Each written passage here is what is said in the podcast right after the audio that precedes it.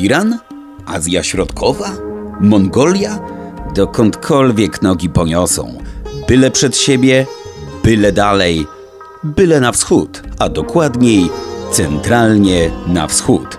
Zapraszam, Michał Korczowski.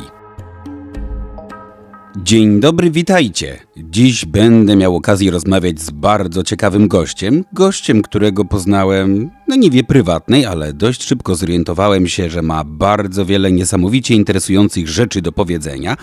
Dlatego dziś będziecie mieli okazję usłyszeć m.in. o taoistycznym towarzyszu Mao, o jednym małym znaczku dzielącym pokojowy pochód od zamieszek, internetowym murze chińskim i o tym, że jak człowiek źle zacznie, to już koniec.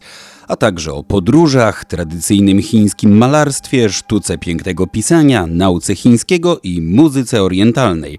A o tym wszystkim opowie nam twórca audycji Raga Lachestani, Krzysztof Zuber.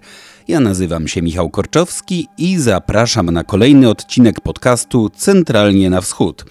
Dodam jeszcze, że z powodu drobnych problemów technicznych, czyli zasadniczo dlatego, że po prostu zapomniałem włączyć swój mikrofon.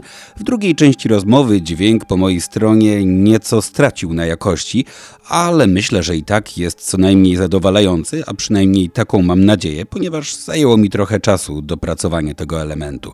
W każdym razie, zapraszam i myślę, że zdecydowanie warto posłuchać tej rozmowy. Krzysztof, przede wszystkim chciałbym najpierw porozmawiać o Twoim programie. Prowadzisz audycję w Akademickim Radiu Luz już od jakiegoś czasu. Audycję, w której konsekwentnie co tydzień przybliżasz swoim Co słuchaczom. dwa. O, przepraszam, no już taka wpadka na wstępie. Rzeczywiście, co dwa tygodnie, to tak bardziej ekskluzywnie. I na łamach, jeżeli audycja radiowa ma jakieś łamy, ale przynajmniej na falach eteru Akademickiego Radia Luz, co dwa tygodnie przybliżasz swoim słuchaczom muzykę szeroko pojętą bliskowschodnią, muzykę orientalną. Przekrój prezentujesz bardzo szeroki i chciałbym, żebyśmy wyszli od tego. Powiedz mi właściwie, jak to się zaczęło? Skąd twoja pasja do tej muzyki? Moja pasja do tej muzyki zaczęła się tak naprawdę od grilla, który organizowałem, którego organizowałem. E, ponieważ zwykle chodziło mi o to, żeby te imprezy były jakoś tematyczne. I przyszło mi do głowy, żeby zrobić właśnie coś w temacie e, Imperium Brytyjskiego. No proszę. I pomyślałem sobie, mm, no, trzeba zrobić oczywiście kubełek grogu, trzeba zrobić herbatę, ale trzeba też dać jakiś podkład muzyczny, jakieś jedzenie konkretne, które nie będzie, nie będzie jedzeniem brytyjskim. Koniec końców domyślam się, że i tak wyszła wam pewnie dekadencka wiktoriańska orgia. Tak, było dokładnie tak. Było ognisko, był grill, e, był, e, były limeryki nawet, ale był też podkład muzyczny, na który pomyślałem, warto by było coś, e, coś innego, coś na przykład Bryty- coś z, z imperium szeroko pojętego, czyli na przykład muzykę indyjską. I zacząłem Perła tego- w koronie, tak? Perła w koronie. Owszem, było też jedzenie imprezy. indyjskie. Jedzenie indyjskie w kociołku nad ogniskiem było, było kary. Nie no, proszę, brzmi to wszystko imponująco. Kontynuuj. No. E, I zacząłem słuchać, i tak mi się to spodobało, że zacząłem słuchać bardziej.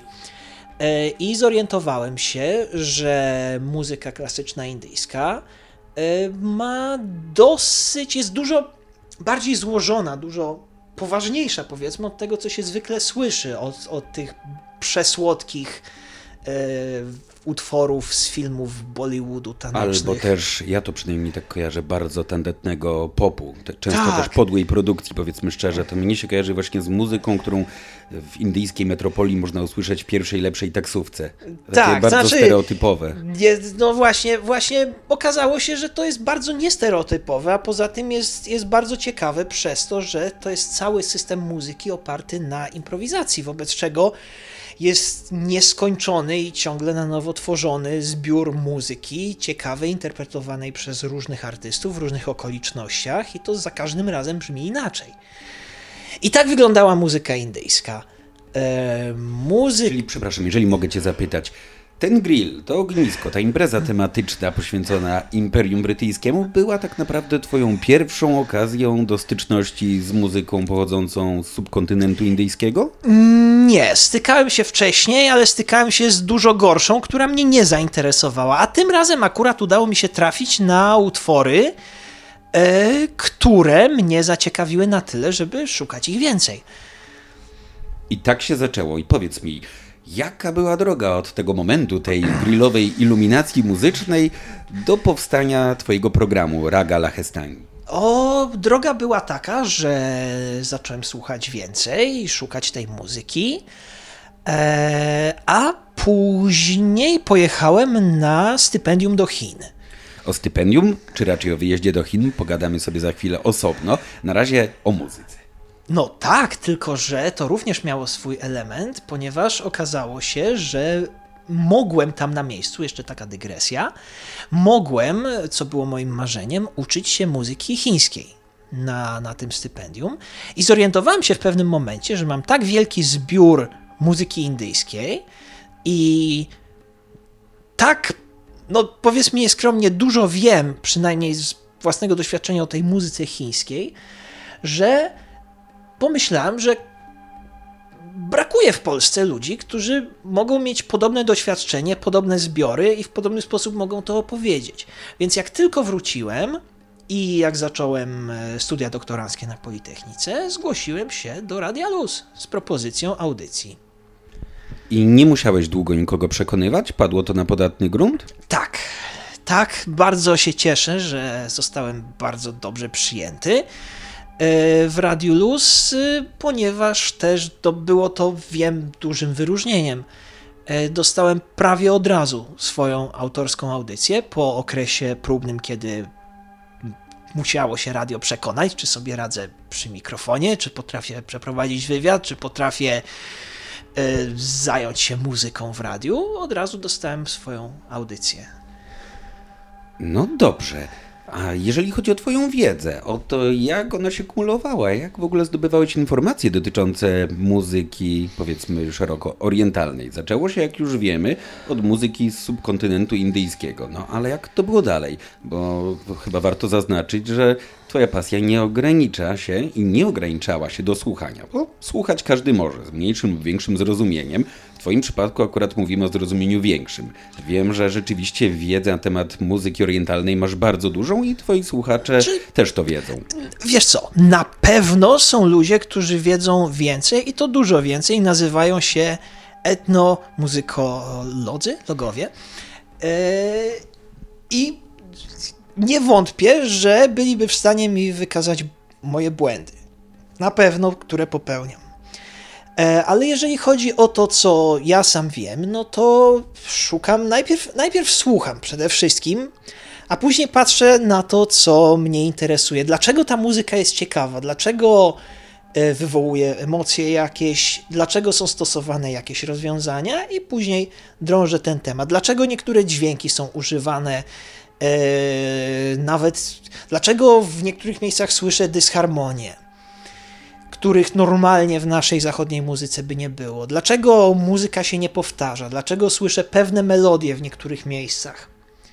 I to jest wszystko początek do sprawdzenia informacji e, w książkach, rzadziej, ponieważ jest to, jest to mniej dostępne, powiedzmy, po polsku.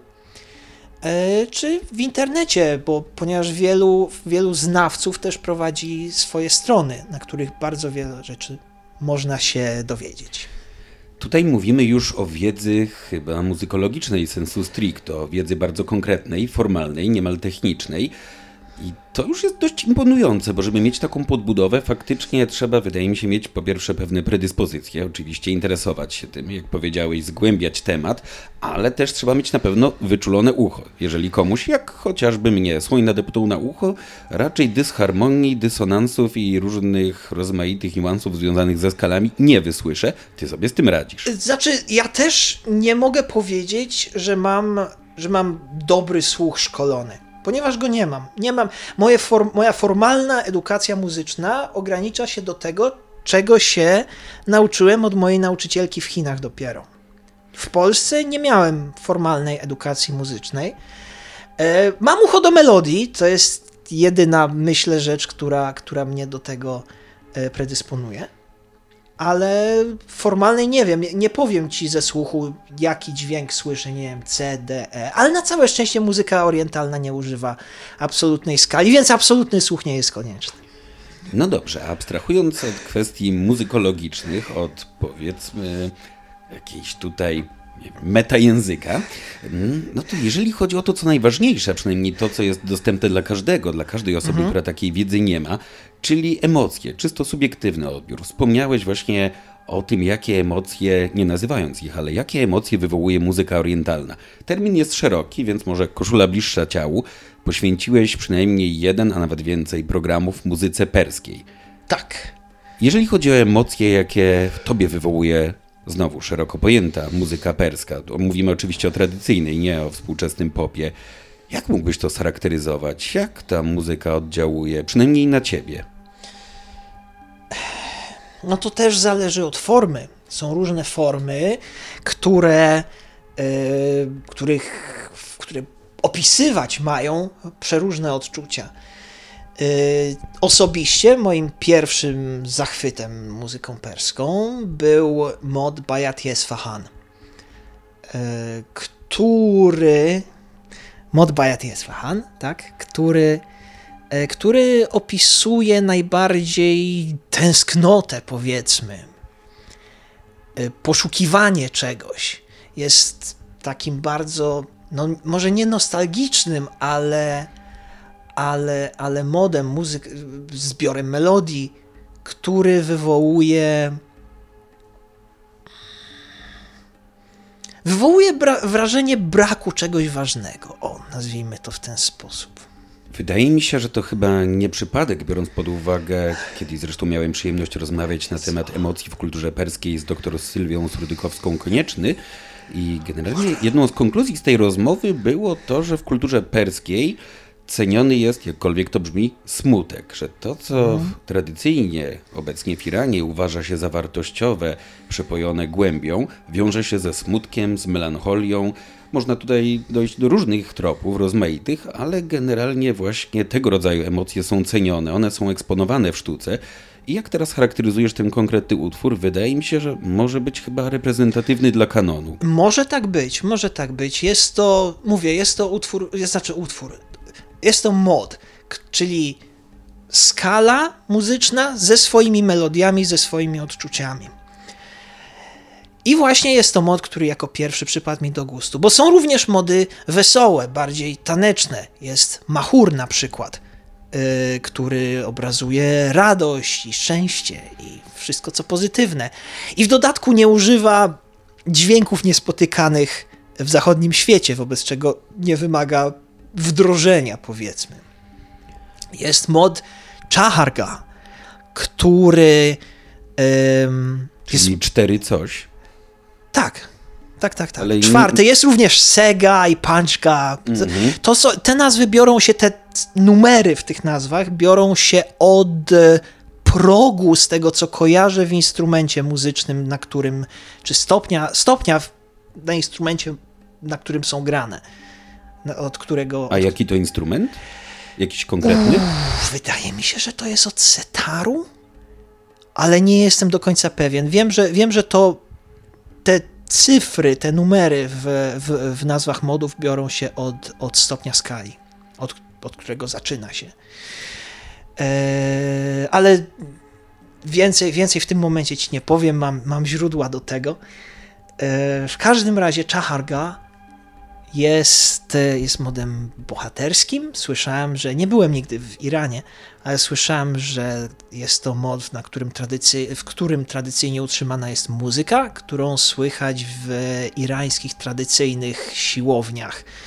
Zurhane. Zurhane, tak jest. Popatrz, raz byłem w Zurhane, to było w mieście Jazd no coś tam było słychać, znaczy zdecydowanie muzyka grała tam bardzo istotną rolę, no bo cała ceremonia ma charakter mistyczny. Tu warto dodać, mm. że to nie jest wyłącznie siłownia w rozumieniu zachodnim, to nie jest fitness, Tutaj jednak chodzi o to, że cała taka sesja ma formę, jak powiedziałem, pewnego rodzaju rytuału, mhm. jest mistyczna i ćwiczy się według określonej, może nie metody, ale według pewnego określonego rytualnego schematu, ćwiczy się do akompaniamentu różnego rodzaju pieśni, plus jest bęben. Akurat tam, gdzie byłem, był tylko bęben plus śpiew mhm. właśnie, więc nie wiem, czy to... Nie, wiesz, ja nigdy nie byłem w Iranie i nie wiem. Z tego, co słyszałem, właśnie tradycyjnie jest jeżeli jest muzyka, to jest w tym modzie, ale trudno mi to jakkolwiek zweryfikować. Moje źródła tak mówią, ale, ale poza tym nie wiem tego. Rozumiem, ale właśnie tutaj zahaczyłeś o dość ciekawy wątek i chciałbym go trochę pogłębić. Szukając muzyki, szukając inspiracji swojego programu, domyślam się, że zagłębiasz się nie tylko w kwestie związane z muzykologią, właśnie w to, co nazwałem metajęzykiem, ale też w kontekst kulturowy związany z utworami, które prezentujesz, prawda? Tutaj jednak kładziesz na to spory nacisk. Yy, tak. Staram się zawsze osadzić jakoś ten utwór, wiedzieć, jaki jest kontekst jego wykonywania. Zwłaszcza jest to ważne w przypadku indyjskich rag z których każda ma swoje konotacje religijne, mitologiczne, potrafią mieć swój czas w ciągu dnia albo porę roku, kiedy należy je wykonywać, kiedy należy ich słuchać. E, mają swoje też historie, całe legendarne historie, jak powstały. Także ten kontekst, owszem, jest bardzo ważny. Też często w muzyce chińskiej jest powiedzmy utwór, który trwa powiedzmy 3 minuty, a żeby dotrzeć, wytłumaczyć cały kontekst tego utworu, to jest no, temat powiedzmy kilkunastominutowy co najmniej. To jest chyba bardzo zdamienne, bo myślę, że na tym właśnie polega chyba zasadnicza różnica pomiędzy muzyką, która Ciebie interesuje, a muzyką, do jakiej przywykliśmy na Zachodzie.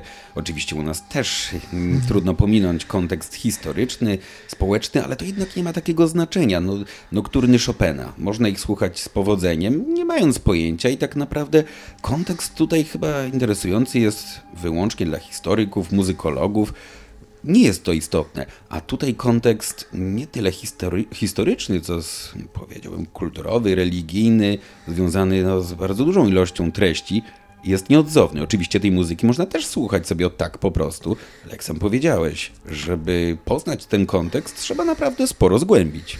To prawda. To, to, to, to, jest, to jest prawda. Czasem, no też Często problemem jest to, na pewno znam w przypadku większości utworów tylko fragment tego kontekstu, dlatego że e, spora część tych, tych informacji po prostu jest niedostępna w językach, które znam. E, co jest, jest, jest, jest wielką barierą, na przykład w przypadku muzyki indyjskiej. Powiedz, przygotowując się do swoich audycji, zgłębiając muzykę, szukając nowych utworów, zdarzało ci się czy raczej zdarzyło ci się natrafić właśnie jakieś konteksty, historie, tło związane z określonymi utworami, które szczególnie zapadło ci w pamięć? Eee, to znaczy, myślę, że najbardziej zapadła mi w pamięć jedna z. Zapadł mi w pamięć jeden z chińskich utworów, który był jednym z moich ulubionych utworów po prostu już jak go posłuchałem już od razu mi się spodobał. A dodatkowo poznałem później, że jest on muzyczną ilustracją przypowieści taoistycznej, e, która właśnie, której znajomość umożliwiła mi powiedzmy głębszy, głębszy odbiór tego utworu. E, była to przypowieść o gęsiach, o ptakach na przylatujących na plażę,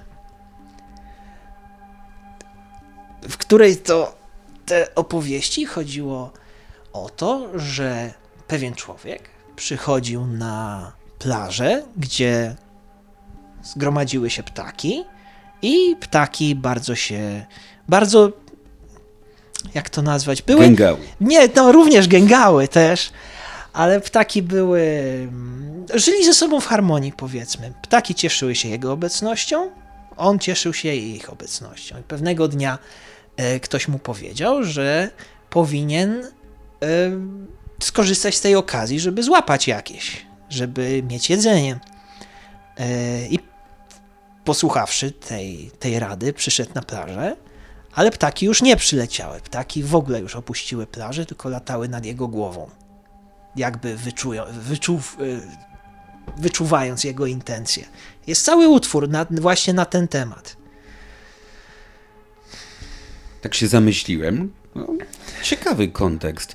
I bardzo często zdarza ci się właśnie natrafiać na tego rodzaju historie, gdy przygotowujesz utwory do swojego programu? Często zdarza mi się być zaskoczonym yy, kontekstami utworów, które zawsze, mimo wszystko, zawsze audycja zaczyna się, no prawie zawsze, czasem zaczyna się od, od tematu, czasem zaczyna się od literatury, ale zwykle audycja zaczyna się od słuchania. E, dużo trzeba się nasłuchać, żeby coś wybrać. A później sprawdzam, dlaczego te utwory są takie interesujące. I czasem okazuje się, dzięki kontekstom, że są bardziej interesujące niż myślałem. Na przykład ostatnio trafi, natrafiłem na indyjską ragę, e, która wiedziałem, że jest bardzo stara, ale nie wiedziałem, że w legendach jest to forma muzyczna, która rzekomo miała uśmierzyć niszczycielski szał Boga Siwy. To właśnie chciałem Cię prosić, żebyś przybliżył tylko, bo podejrzewam, że nie każdy musi wiedzieć, czym dokładnie jest raga. To proszę, wyjaśnij. Raga to schemat improwizacji, powiedzmy. Raga to jest skala muzyczna ze swoimi wzorcami e, przejścia z dźwięku na dźwięk. Zwykle ma, zwykle, no, za każdym razem ma swój e, schemat wejścia w, w górę skali i zejścia ze skali. Poza tym ma kilka melodii e, do rozwinięcia w czasie występu, a reszta ma swoje konteksty, ma swoje tradycje, a reszta należy do artysty, jak ją zinterpretuje dla konkretnej publiczności w konkretny dzień. Jest to, no mówię, schemat improwizacji, można tak to nazwać. Powiedz mi, czy na przykład trafiłeś, jeżeli chodzi o konteksty, tło utworów, na historie, na przykład dramatyczne historie, tragiczne historie lub w jakikolwiek inny sposób szczególne dotyczące samych autorów?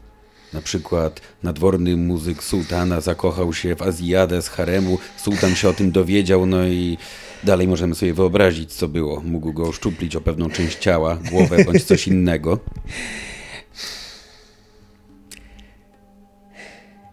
Trudno mi sobie przypomnieć, na pewno były. Wiem, że jest dużo historii indyjskich o legendarnym muzyku, e, który jednak nie miał historii tragicznej, tylko bardziej hagiograficzną, powiedzmy. Był święty muzyk Tansen z dworu cesarza Akbara, który wymyślił wiele e, pięknych, legendarnych już teraz rag i który również według legend miał swoją muzyką wpływać na świat materialny, miał zapalać e, świece za pomocą muzyki, miał gasić pożary, wywoływać deszcz. Tego rodzaju historie o nim krążą. No proszę, tak sobie wyobrażam właśnie tego rodzaju właściwości muzyki. Nie przypominam sobie, żebym słyszał kiedykolwiek w jakimkolwiek kontekście o tego rodzaju mocy sprawczej muzyki. Nie, wydaje mi się, że się nigdzie z czymś takim nie zetknąłem, co nie znaczy, że coś takiego nie istnieje, ale hmm. dla mnie to nowość. Rzeczywiście ciekawe. A powiedz mi, bo jestem też bardzo ciekaw, jak to wygląda, jeżeli chodzi o Twoich słuchaczy.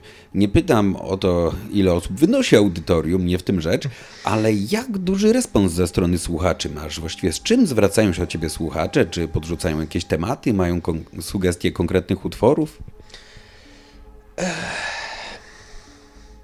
Moi słuchacze. Hmm, trudno mi powiedzieć.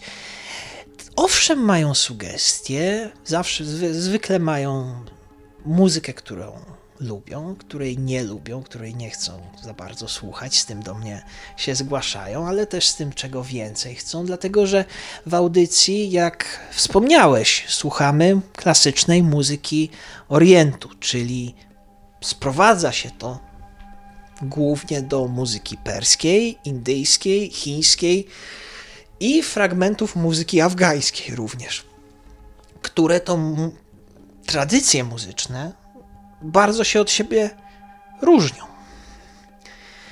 Co znaczy, że na przykład o ile w, w jednej muzyce usłyszymy bardziej harmonijne dźwięki, w drugiej muzyce usłyszymy więcej improwizacji, w trzeciej muzyce, w afgańskiej zwłaszcza, będzie bardzo duży nacisk położony na rytm i trafi to w gusta słuchaczy w stopniu zawsze mniejszym albo większym.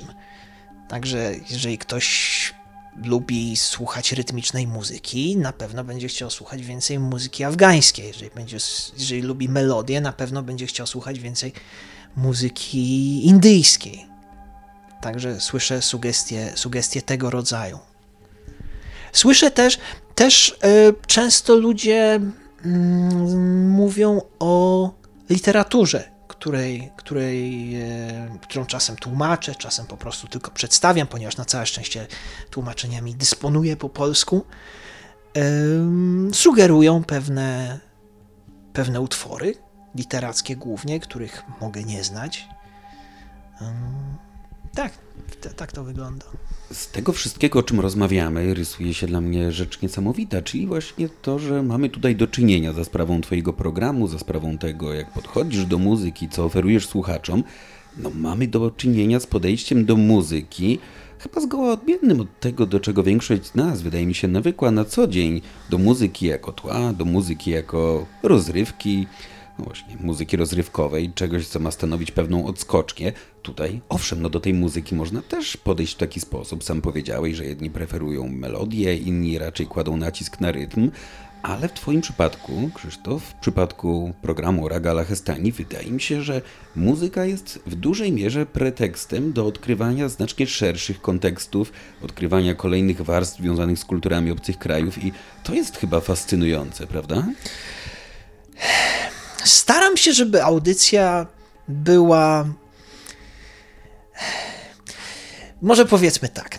Ponieważ nie ma podobnych audycji w Polsce, e, staram się, żeby niektóre odcinki były głównie o muzyce, a niektóre odcinki bardziej eksplorowały kulturę. Zwykle staram się wprowadzić jakiś element kultury z muzyką, ale akcenty rozkładam różnie w różnych, w różnych audycjach. Mówię, czasami, czasami słuchamy konkretnej ragi na przykład i wtedy wdaje się w dyskusje, jak powiedziałeś, muzykologiczne, ponieważ niektórzy na pewno dlatego słuchają tej audycji. E, a czasami skupiamy się na literaturze. Na przykład e, wiele, zwłaszcza w przypadku E, muzyki i literatury chińskiej. Czasami w audycji pojawiają się e, wiersze, utwory, po raz pierwszy przetłumaczone z chińskiego, przetłumaczone przeze mnie. E, I wtedy staram się, żeby były one nie na, powiedzmy, nie na trzecim planie, tylko może na drugim względem muzyki, albo żeby były równorzędne względem muzyki, ponieważ uważam, że Y, no, jest to coś wartego przedstawienia, nie tylko jako tło. A skąd czerpiesz inspirację do programu? Czy to jest po prostu tak, że już mając jakąś wiedzę ugruntowaną, mając pewne tło, trochę, że tak powiem, kapitału kulturowego pod tym względem, trafiasz od punktu do punktu i, i im dalej w las, tym ciemniej, choć może to złe określenie w tym przypadku, im dalej w las, Oj, tym więcej się. drzew. Zdarza tak? się. Powiedziałbym, że raz na kilka audycji zdarza się audycja, która jest, która jest stworzona pod konkretny temat. Zwykle mówię, zwykle to mu, pozwalam, żeby to muzyka była, była moją inspiracją, żeby, ponieważ, no właśnie, ja jestem człowiekiem, który to przedstawia. Są na pewno ludzie, którzy więcej wiedzą o muzyce ode mnie, o kulturze ode mnie. E, wobec czego mówię, ja, ja nie jestem tutaj po prostu wszechekspertem polskim, jeżeli chodzi o, o muzykę klasyczną Orientu, na pewno. E, pozwalam się wypowiedzieć artystom. Zwykle staram się, żeby nim nie przeszkadzać, nie przerywać utworów, nawet jeżeli są długie, tylko po prostu wybrać najlepsze. Powiedzieć, dlaczego e, można się, co ciekawego jest w konkretnym utworze, ale. Mm, mówię, ta, ta moja audycja jest. E, staram się, żeby była. Żeby mogła w jak największym stopniu być inspiracją dla, dla, dla innych. Dla tych, którzy mogą się zainteresować muzyką, dla tych, którzy się mogą zainteresować kulturą, dla tych, którzy się mogą zainteresować literaturą. No właśnie, ale głównie staram się przedstawić artystów, przedstawić muzykę, e, bo źródeł jest, no może nie jest jakoś bardzo dużo, ale jeżeli ktoś naprawdę chce znaleźć tę muzykę, to potrafi ją sobie znaleźć sam. Ja staram się być kimś, kto to pokaże. Da to pierwsze ziarno, z którego może coś wyrośnie. I jak już gdzieś tu między wierszami wspomniałeś, Twoja pasja do muzyki szeroko pojętego Orientu zaprowadziła cię do państwa środka, gdzie spędziłeś rok. Pół. Pół roku tam pół, spędziłem. O, popatrz, zawyżyłem, ale pół roku to i tak nie mało. Tak, tak. Miał być na początku rok, ale pomyliłem się, wydaje mi się, w aplikacji i wyszedł z tego A, pół. Taki e, psikus. No w każdym razie, tak, to znaczy, nie powiedziałbym, że to pasja dla, do muzyki mnie tam zaprowadziła. E, a przynajmniej nie bezpośrednio, dlatego że już od e, liceum zainteresowała mnie cała bogata kultura, cała bogata historia tego miejsca, o której e, wiemy, powiedzmy, bardzo niewiele. I bardzo niewiele się pojawia na ten temat wiadomości w, w historii, w powszechnej dyskusji. No trudno się dziwić, to jest bardzo daleko stąd i wpływ e, przez większość historii Chiny na naszą część świata miały znikomy. Również dlatego, że nie chciały tego wpływu mieć, ponieważ się izolowały. Mm, ale zainteresowałem się tą kulturą, tą e, muzyką również i pomyślałem, że pewnego dnia dobrze by było tam pojechać. I akurat na studiach pojawiła się możliwość nauki języka, a kiedy zacząłem się uczyć języka, to pojawiła się również możliwość zdawania egzaminów państwowych językowych chińskich, a w nagrodę za dobre wyniki egzaminów językowych można było się zgłosić na stypendium konfucjańskie, w ramach którego można było pojechać na uniwersytet chiński i uczyć się tam języka i kultury. I właśnie to zrobiłem. I chciałbym, żebyśmy teraz trochę czasu poświęcili Twojej chińskiej przygodzie.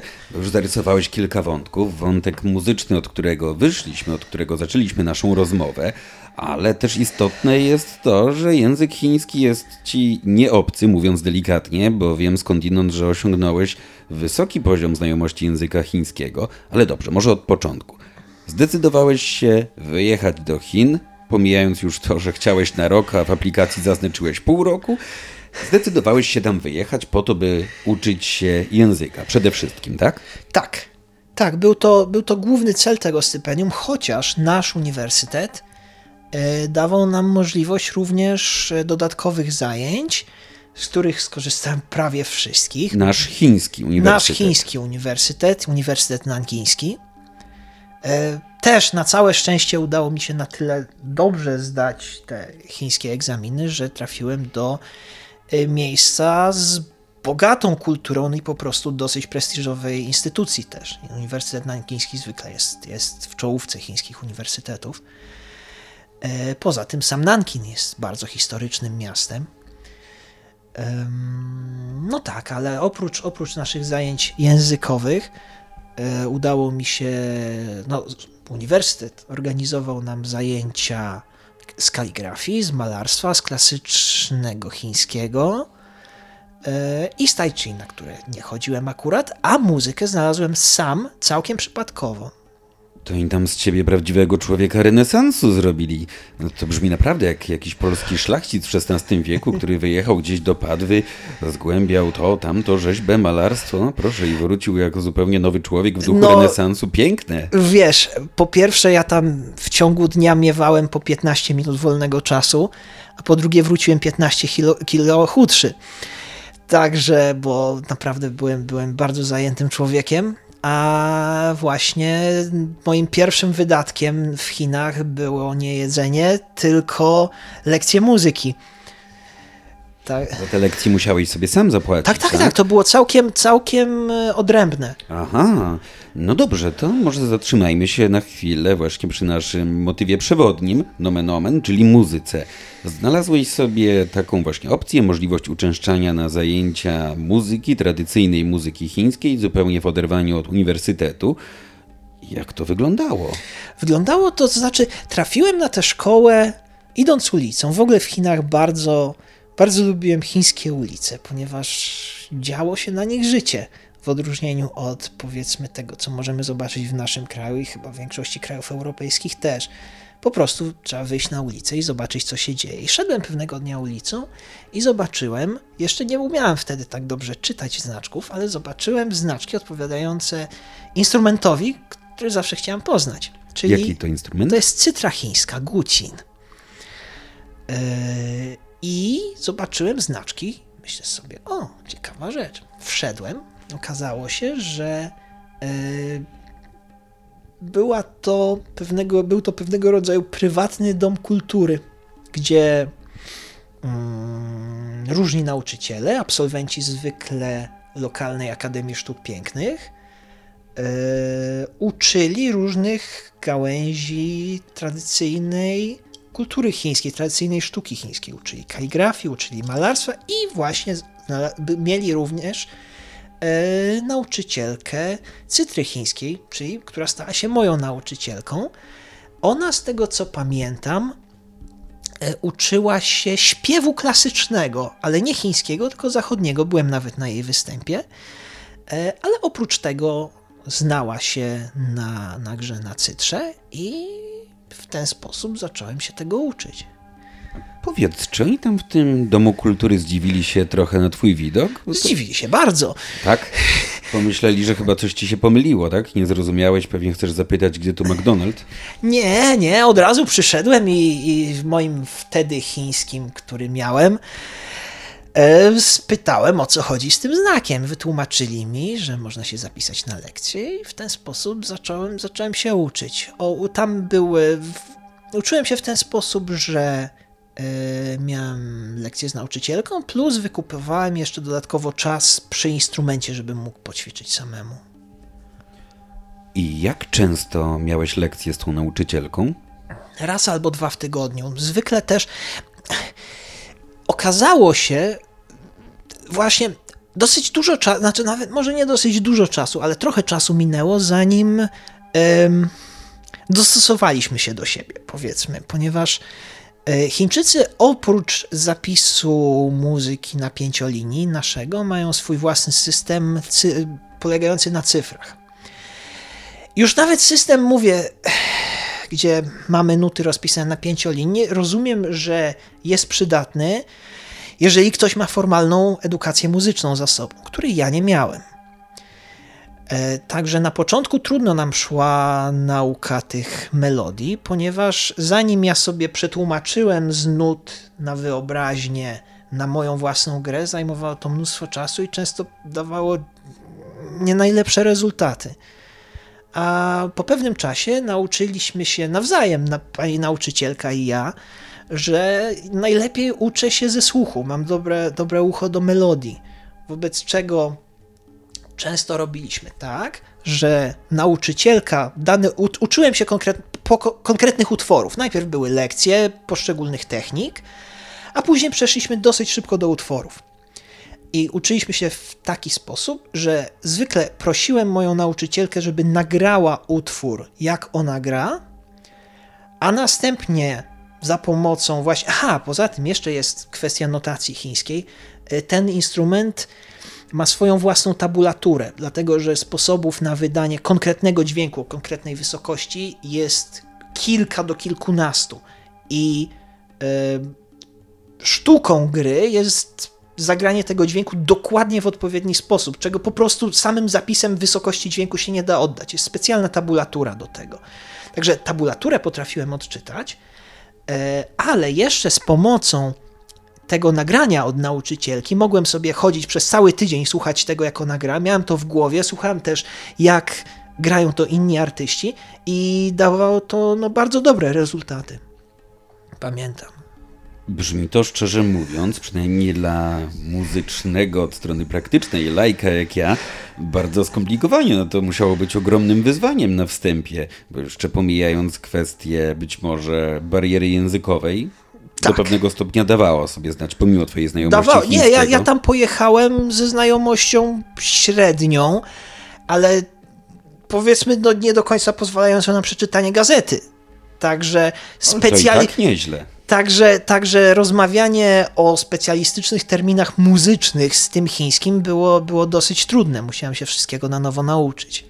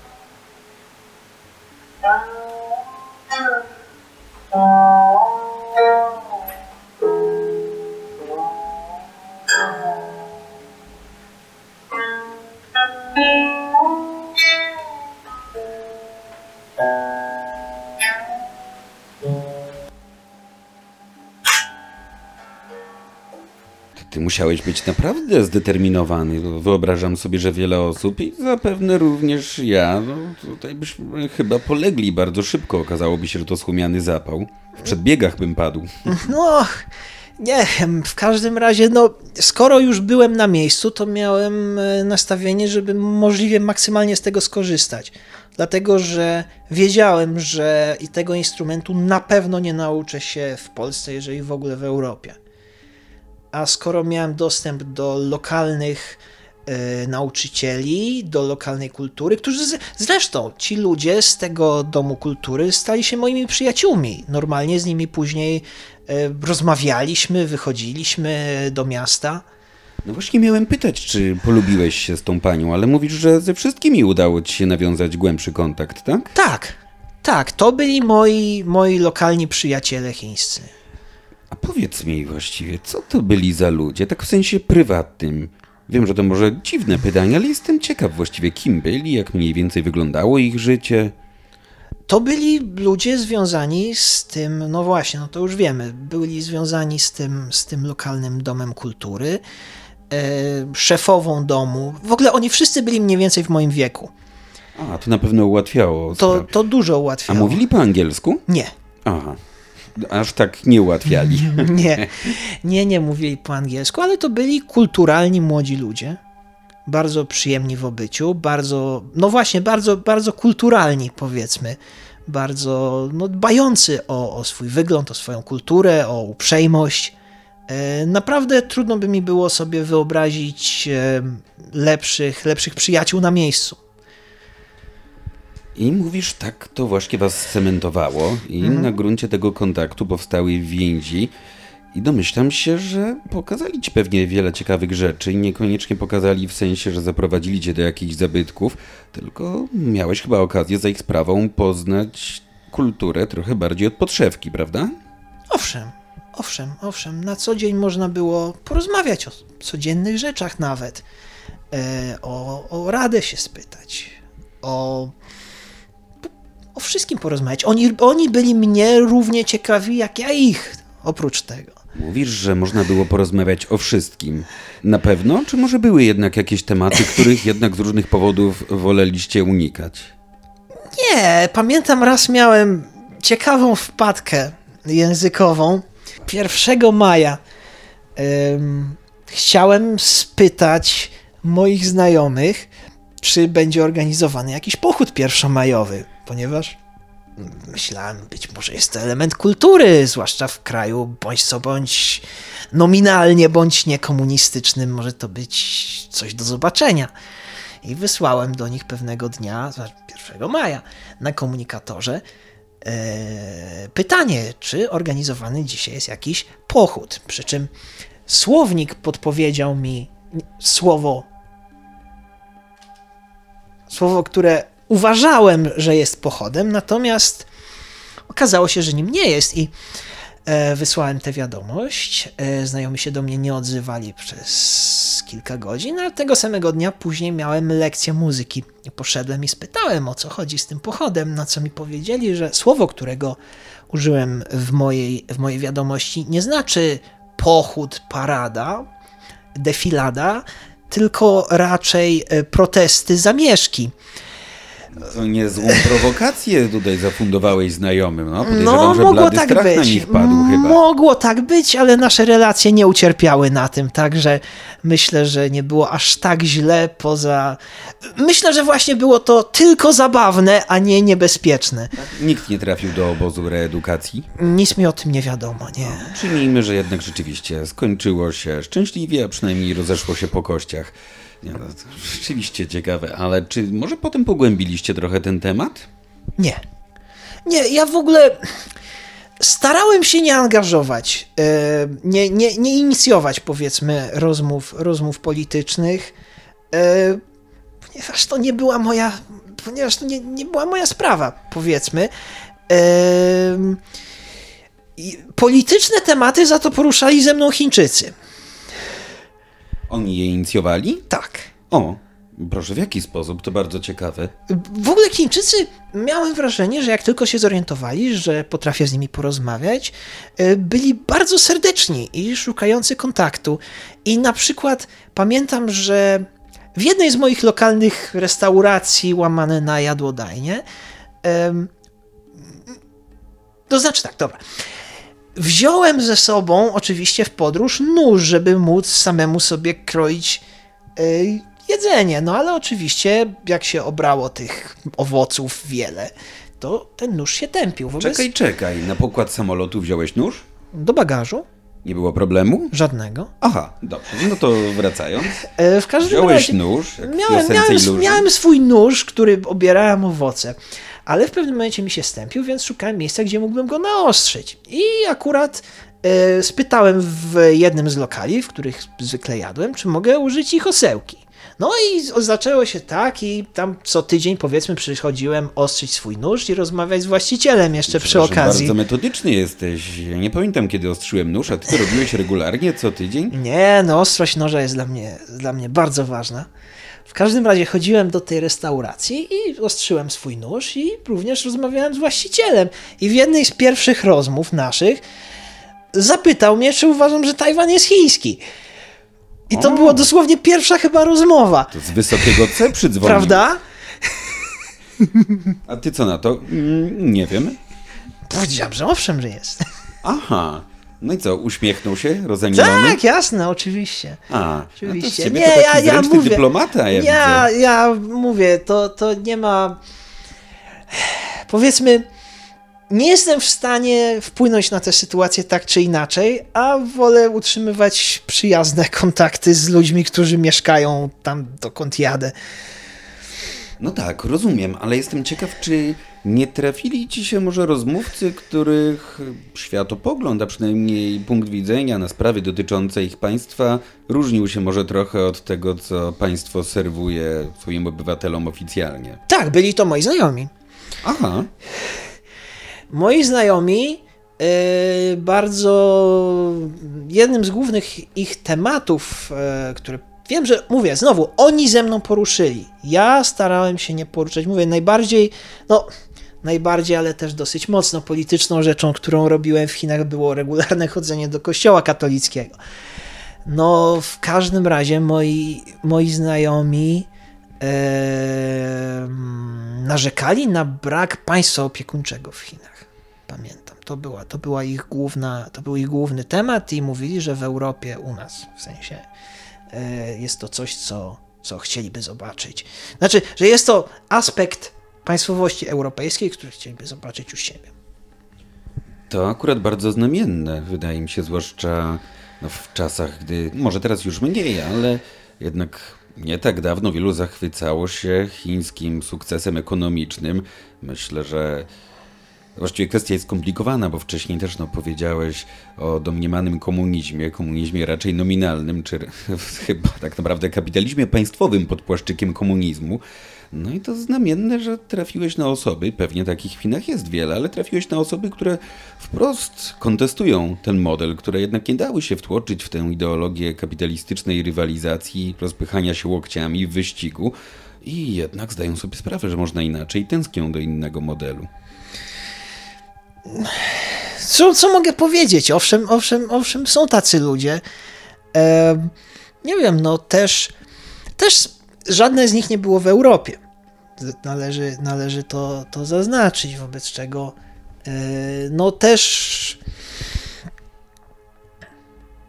nie wiem, też starałem się przedstawić różne strony tego, że nie zawsze tam, gdzie nas nie ma, jest, jest tak dobrze. No.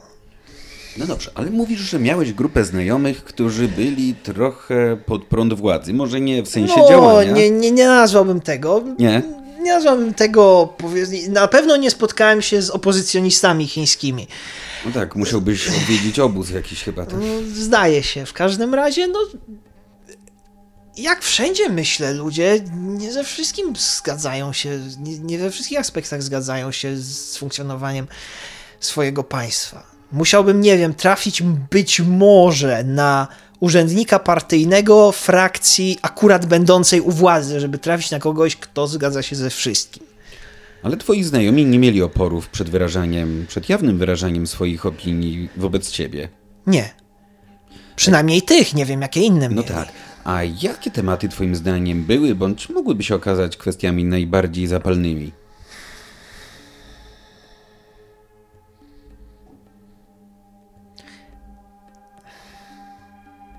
Trudno mi powiedzieć. Mam.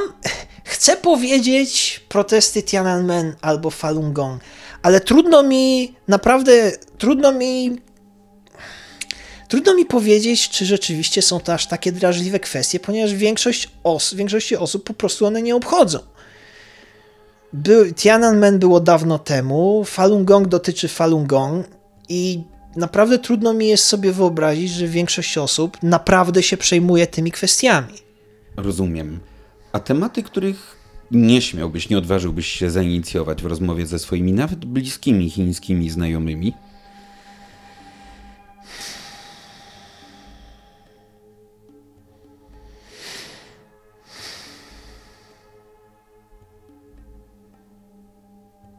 Trudno mi powiedzieć. Myślę, że krytyka, bezpośrednia krytyka aktualnej władzy tak myślę, ale znowu to jest moje przypuszczenie. Wiem, że na przykład też yy, powszechna jest krytyka rewolucji kulturalnej. I jest to słuszna krytyka w tym momencie. E, no nie tylko dlatego, że mnóstwo ludzi zginęło, ale również dlatego, że dotknęło to tak wielu osób. Na przykład e, rodzice moich znajomych w wieku moich rodziców Wiem, że nie mieli okazji na wyższą edukację, ponieważ zostali wysłani na pola i do fabryk. I na przykład dzisiaj młode pokolenie chińskie jest bardziej kulturalne, ma lepsze maniery, posługuje się lepszym językiem, wie więcej niż pokolenie starsze. Są to zwykle dużo milsi ludzie, młodzi Chińczycy od starych Chińczyków. Mówisz, że milsi, tak? Tak. Łatwiejsi w obyciu, rzeczywiście? Tak, tak. Zdarzyło ci się rzeczywiście to odczuć na własnej skórze? Tak. Młodzi ludzie, z których spotkałem, zwykle posługiwali się dobrym językiem.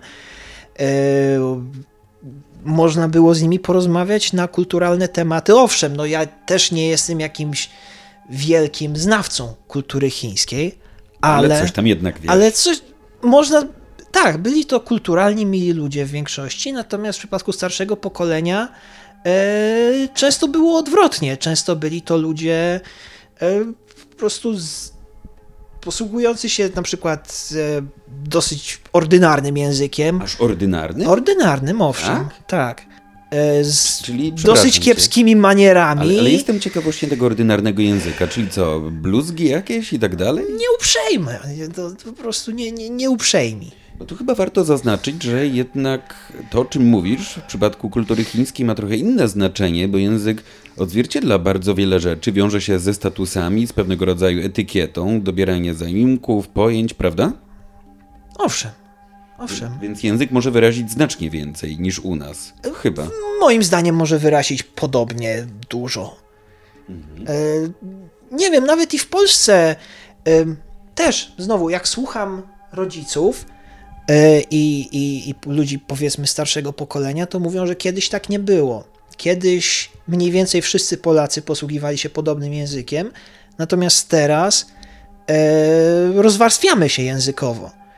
I coraz bardziej jesteś w stanie, nawet w języku polskim, e, orzec, kto pochodzi, powiedzmy, z jakiej warstwy, e, jaki ma właśnie kapitał kulturowy, e, po tym, jak mówi po polsku. No tak, pod tym względem to chyba zawsze było mocno dystynktywne, ale dobrze, wracając do Chin. To, co powiedziałeś, jest naprawdę fascynujące, zwłaszcza to określenie język grubiański, tak, ordynarny. Ale ci ludzie, tak żebyśmy tutaj nakreślili to jasno, nie, nie intencjonalnie no, nie zamierzali Nie! być nieuprzejmi wobec ciebie. To po prostu no, cechowało ich język, tak? cechowało ich język i też, też cechowało, powiedzmy, to, jak, powiedzmy, ich domyślne zachowania. Na przykład e, chęć wytłumaczenia czegoś. Na przykład. E, na przykład kwestie, nie wiem, no już wydawania poprawnej reszty.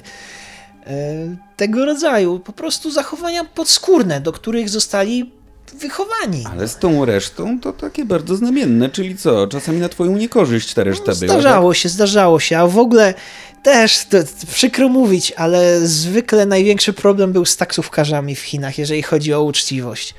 Nie chcę tutaj stereotypizować i generalizować, co to, to nie. Całym sercem jestem przeciwko czemuś takiemu. Niemniej myślę, że to problem powszechny pod każdą szerokością geograficzną.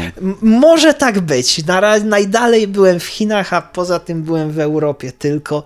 Także trudno by mi było o tym przesądzać. W każdym razie wiedziałem, że za każdym razem, kiedy musiałem skorzystać z usług taksówkarzy, no znowu, wiedziałem, że czeka mnie mniejsza lub większa bitwa o, o to, co oni, co powiedzmy jest sprawiedliwą ceną, a to, czego, co jest ode mnie żądane. Dlatego doceniam, gdy w danym kraju dostępne są aplikacje. Na przykład w Iranie. Tam jest taka lokalna mutacja Ubera. Interfejs właściwie ten sam. Nazywa się to S-Snap czy eSnap.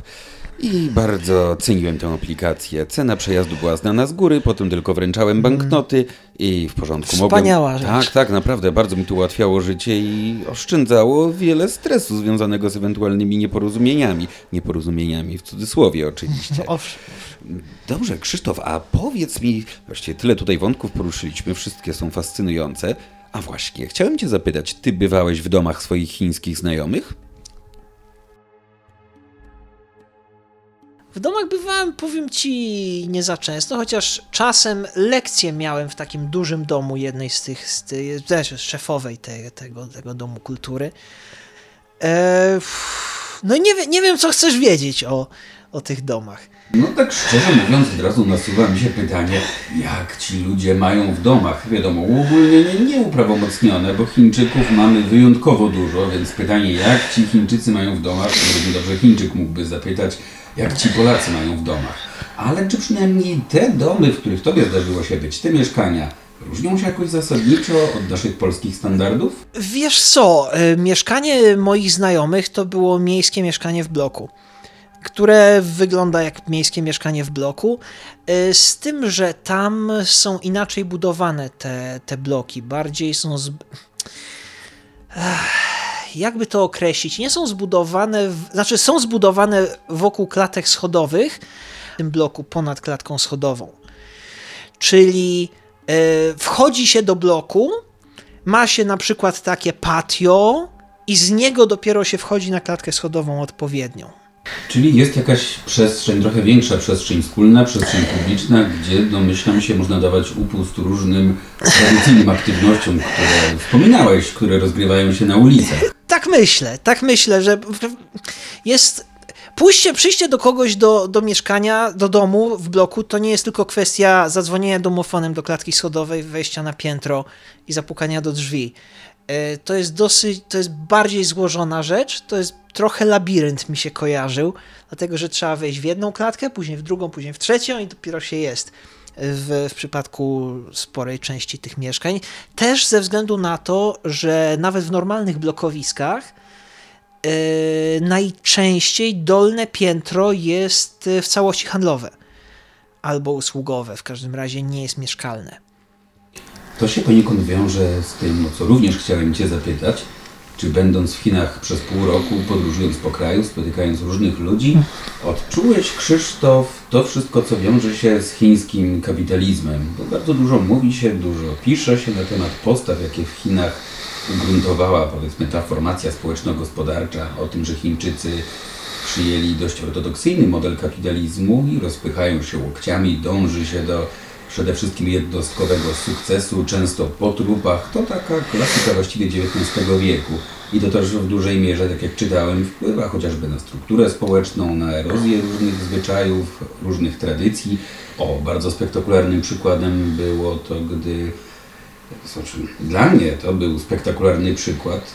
Przeczytałem jakiś czas temu o tym, że swego czasu w Chinach bardzo powszechne było to, że na przykład w sytuacji, gdy ktoś był świadkiem wypadku drogowego, po prostu jechało się dalej, ponieważ można było zostać pociągniętym do odpowiedzialności finansowej. Albo też pamiętam, czytałem już o takim bardzo szokującym przypadku, a to podobno zdarzało się nie raz, nie dwa. Akurat ta konkretna historia polegała na tym, że kierowca, być może taksówki, to nie gra roli, miał potrącić dziecko. Dziecko leżało na jezdni, więc celowo, jak najbardziej celowo, z, premedyta z premedytacją przejechał po tym dziecku, tak, właśnie widzę Twoją minę i nie dziwię się. A to było motywowane tym, że w przypadku, gdyby dziewczynka, bo to była dziewczynka, odniosła obrażenia dla taksówkarza, wymierny koszt związany z zasądzonym odszkodowaniem, ze świadczeniami, jakie musiałby jej być może wypłacać do końca życia, był znacznie większy niż problemy związane z tym, że po prostu doprowadziłby do jej zgonu. No, niestety tutaj niewiele mogę ci powiedzieć, dlatego że nie znałem oprócz tych moich znajomych nikogo, e, powiedzmy, pracującego w korporacji, w biurze i tak dalej. No, tyle mogę powiedzieć, że e, no, istnieje w Chinach atmosfera ciężkiej pracy. E, to naprawdę mogę powiedzieć, e, patrząc nawet na ludzi na ulicy, no po prostu, no, każdy się czymś zajmuje i zajmuję się tym cały dzień. Na pewno to mogę powiedzieć. Nie wiem, co się dzieje w biurach, nie wiem, co się dzieje w firmach. Jeżeli chodzi o kwestie e, prawne, też specjalnie nie śledziłem tego, chociaż wiem, że na lokalnej policji był, e, była wtedy przeprowadzana wielka kampania przeciw oszustom, jeżeli się nie mylę i na lokalnej policji był wielki telebim, na którym były wyświetlane wszystkie dane osobowe ludzi, którzy byli znanymi oszustami, żeby, żeby po prostu ze wszystkimi szczegółami, to, to pamiętam. Czyli pełne napiętnowanie. Tak, zdjęcie, numer, wszystko, wszystko. I razem z podaną kwotą, e, na którą, na którą tam oszukali konkretne osoby. E, żeby uważać. Naprawdę wielki telebim no, był, był, był z tym, to pamiętam. Ale ogólnie, no niestety, niestety, mm, no zawiodę cię, jeżeli chcesz się ode mnie dowiedzieć, jak wygląda e, kwestia codziennej pracy, powiedzmy, biurowej w Chinach. Mogę ci powiedzieć, jak wygląda kwestia codziennej pracy e, ludzi, którzy sprzedają albo gotują na ulicy. I, i to, to tyle. Mnie nawet może nie, nie chodziło o w tak dużym stopniu o organizację pracy, atmosferę w biurze. Bardziej chodziło mi o to, czy właśnie to wszystko, co składa się na tę formację kulturową czy społeczno-ekonomiczną, w jaki sposób ty odczułeś? Czy widziałeś coś takiego, symptomy okay. spojenia tego dyskursu w postawach swoich znajomych? W moich znajomych naprawdę trudno mi powiedzieć, ale wiem, że na przykład e, model rodzinny był pomimo bardzo dużej konkurencji i pomimo bardzo długich godzin pracy zachowany na przykład w nazwijmy to trochę z przesadą restauracjach, chociaż to były dosyć tanie miejsca, w których zwykle jadłem, dlatego że pamiętam jedno miejsce było prowadzone przez całą rodzinę. Tam głównie chodziłem na rosół z makaronem. I wiem, że wszyscy pracowali, babcie i starsze ciocie obsługiwały, można było porozmawiać.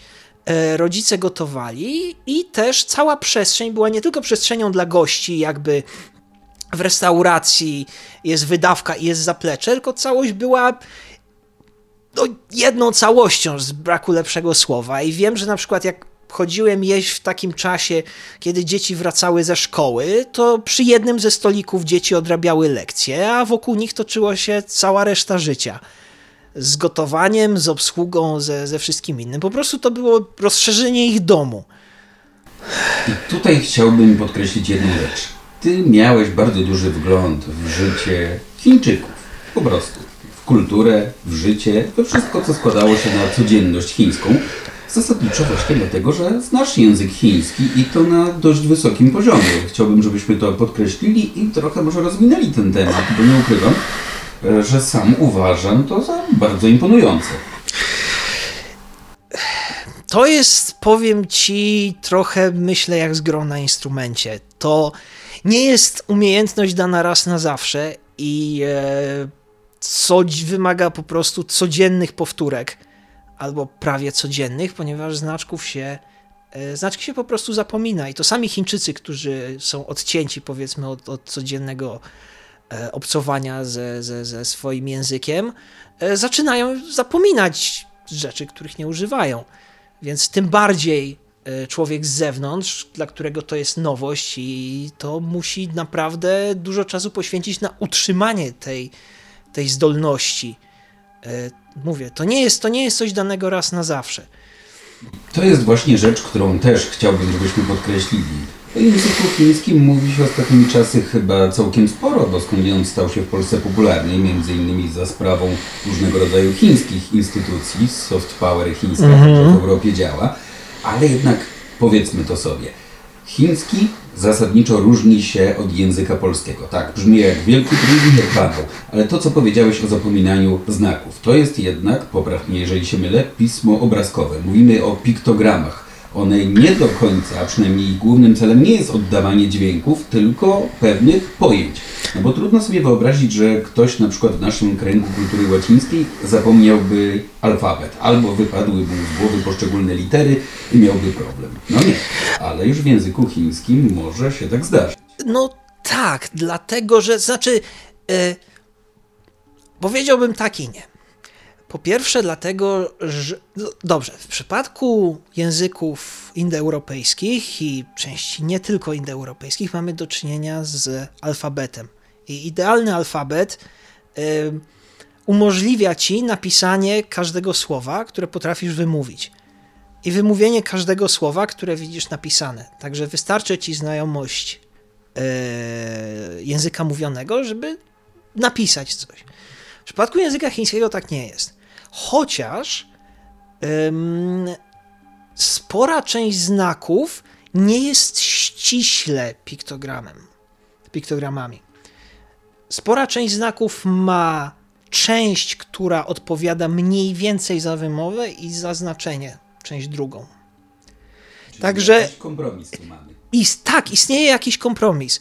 Yy, dlatego często patrząc na znak, można sobie mniej więcej wyobrazić, jak on będzie wymówiony. Nie będzie to za każdym razem stuprocentowa, nawet zwykle to nie będzie stuprocentowa um, pewność, ale można orzec. No po prostu można się domyślić, jak będzie brzmiał dany znak, i czasem też można się domyślić, przynajmniej w jakim polu znaczeniowym się obracamy. Chociaż często to jest całkowicie dowolne. Często postać znaku nie ma nic, nie, ma bardzo niewiele, powiedzmy, wspólnego z tym, co znaczy i jak jest wymawiane. E, musiałbym ci tutaj narysować kilka znaków, ale skoro jesteśmy w podcaście, to nie będzie to miało. No, nie mam tablicy. No właśnie, nie będzie to miało wielkiego znaczenia. Ale istnieją znaki pułapki, które, których się nie wymawia tak, jak wyglądają i nie znaczą tego, jak wyglądają. Więc e, są, są, są, są, są to pułapki. E, ale chiński nie jest. Niektóre podstawowe znaki są piktogramami, po prostu znaczą to, co jest narysowane. Ale bardziej złożone już nie. Bardziej złożone już bardziej polegają na tym, e, na tym, jak są wymawiane. W ogóle, mówię, ja nie jestem sinologiem, ale z tego, co czytałem, to też wiem, że sporo znaków zostało, jest używanych zostało, zaczęło być używanych po to, żeby zapisywać dźwięki, a nie żeby zapisywać znaczenia. Jest sporo w chińskim na przykład zapożyczeń z języka mongolskiego. I pamiętam, nasza jedna z nauczycielek tam pokazywała, że y, są znaki, które, których znaczenie jest wzięte z języka mongolskiego. Są po prostu zapisem fonetycznym języka mongolskiego. No proszę, takie tutaj przenikanie, tutaj to by trzeba rzeczywiście rozmawiać z sinologiem, z kimś, kto bardzo siedzi w historii, opowiedziałby nam o tym, jak różne dynastie sprawowały władzę, skąd która pochodziła. My nad tym teraz pochylać się nie będziemy, ale powiedz mi, jak to w praktyce wyglądało, twoje dogadywanie się w języku chińskim z rodzimą ludnością? Wyglądało... wyglądało różnie, na początku gorzej, e, później lepiej. E, również nie ułatwiało sprawy to, że w rejonie Nankinu ludzie no nie mówią innym językiem od powiedzmy chińskiego standardowego, e, ale mówią innym dialektem, wobec czego trzeba się przyzwyczaić do niektórych sposobów innych, powiedzmy, niż, niż człowiek się uczy wypowiadania pewnych słów. No a tak w ogóle no, najpewniejszym sposobem porozumiewania się jest napisanie znaków. Tak właśnie pomyślałem, wejdę Ci w słowo. Z tego, co mówisz, z tego, co sam wiem na temat języka chińskiego, to chyba jakimś wielkim zdziwieniem nie byłoby trafienie na osobę, no może nie oczywiście rodzimego Chińczyka, to by było dziwne, ale bez problemu można by nauczyć się czytania w języku chińskim, rozumieć treść, prześlizgując się wzrokiem po stronach, ale nie umieć mówić. Tak, Absolutnie tak jest. Można przez dłuższy czas klasyczny chiński był językiem dyplomacji całej wschodniej Azji. Także Mongołowie pisali do Japończyków klasycznym chińskim, mimo że jedni z drugimi nie dogadaliby się faktycznie, gdyby się spotkali. Natomiast potrafili do siebie napisać list i otrzymać list z powrotem. Tak samo, e, znowu, klasyczny chiński Y, po pierwsze, tak naprawdę nie wiemy, czy w nim była odmiana, czy nie było odmiany, ale już nawet abstrahując od tego, wiemy na pewno, że wymowa niektórych słów zmieniła się w sposób dosyć znaczny. Także y, na przykład osoba znająca klasyczny chiński potrafiłaby napisać nawet teraz list do Konfucjusza który zostałby zrozumiany przez Konfucjusza, gdyby żył. Gdyby żył Natomiast prawie na pewno nie dogadali, te osoby ze sobą by się nie dogadały. Konfucjusz z, z powiedzmy nowożytnym znawcą, z, z nowożytną osobą, która zna e, klasyczny chiński.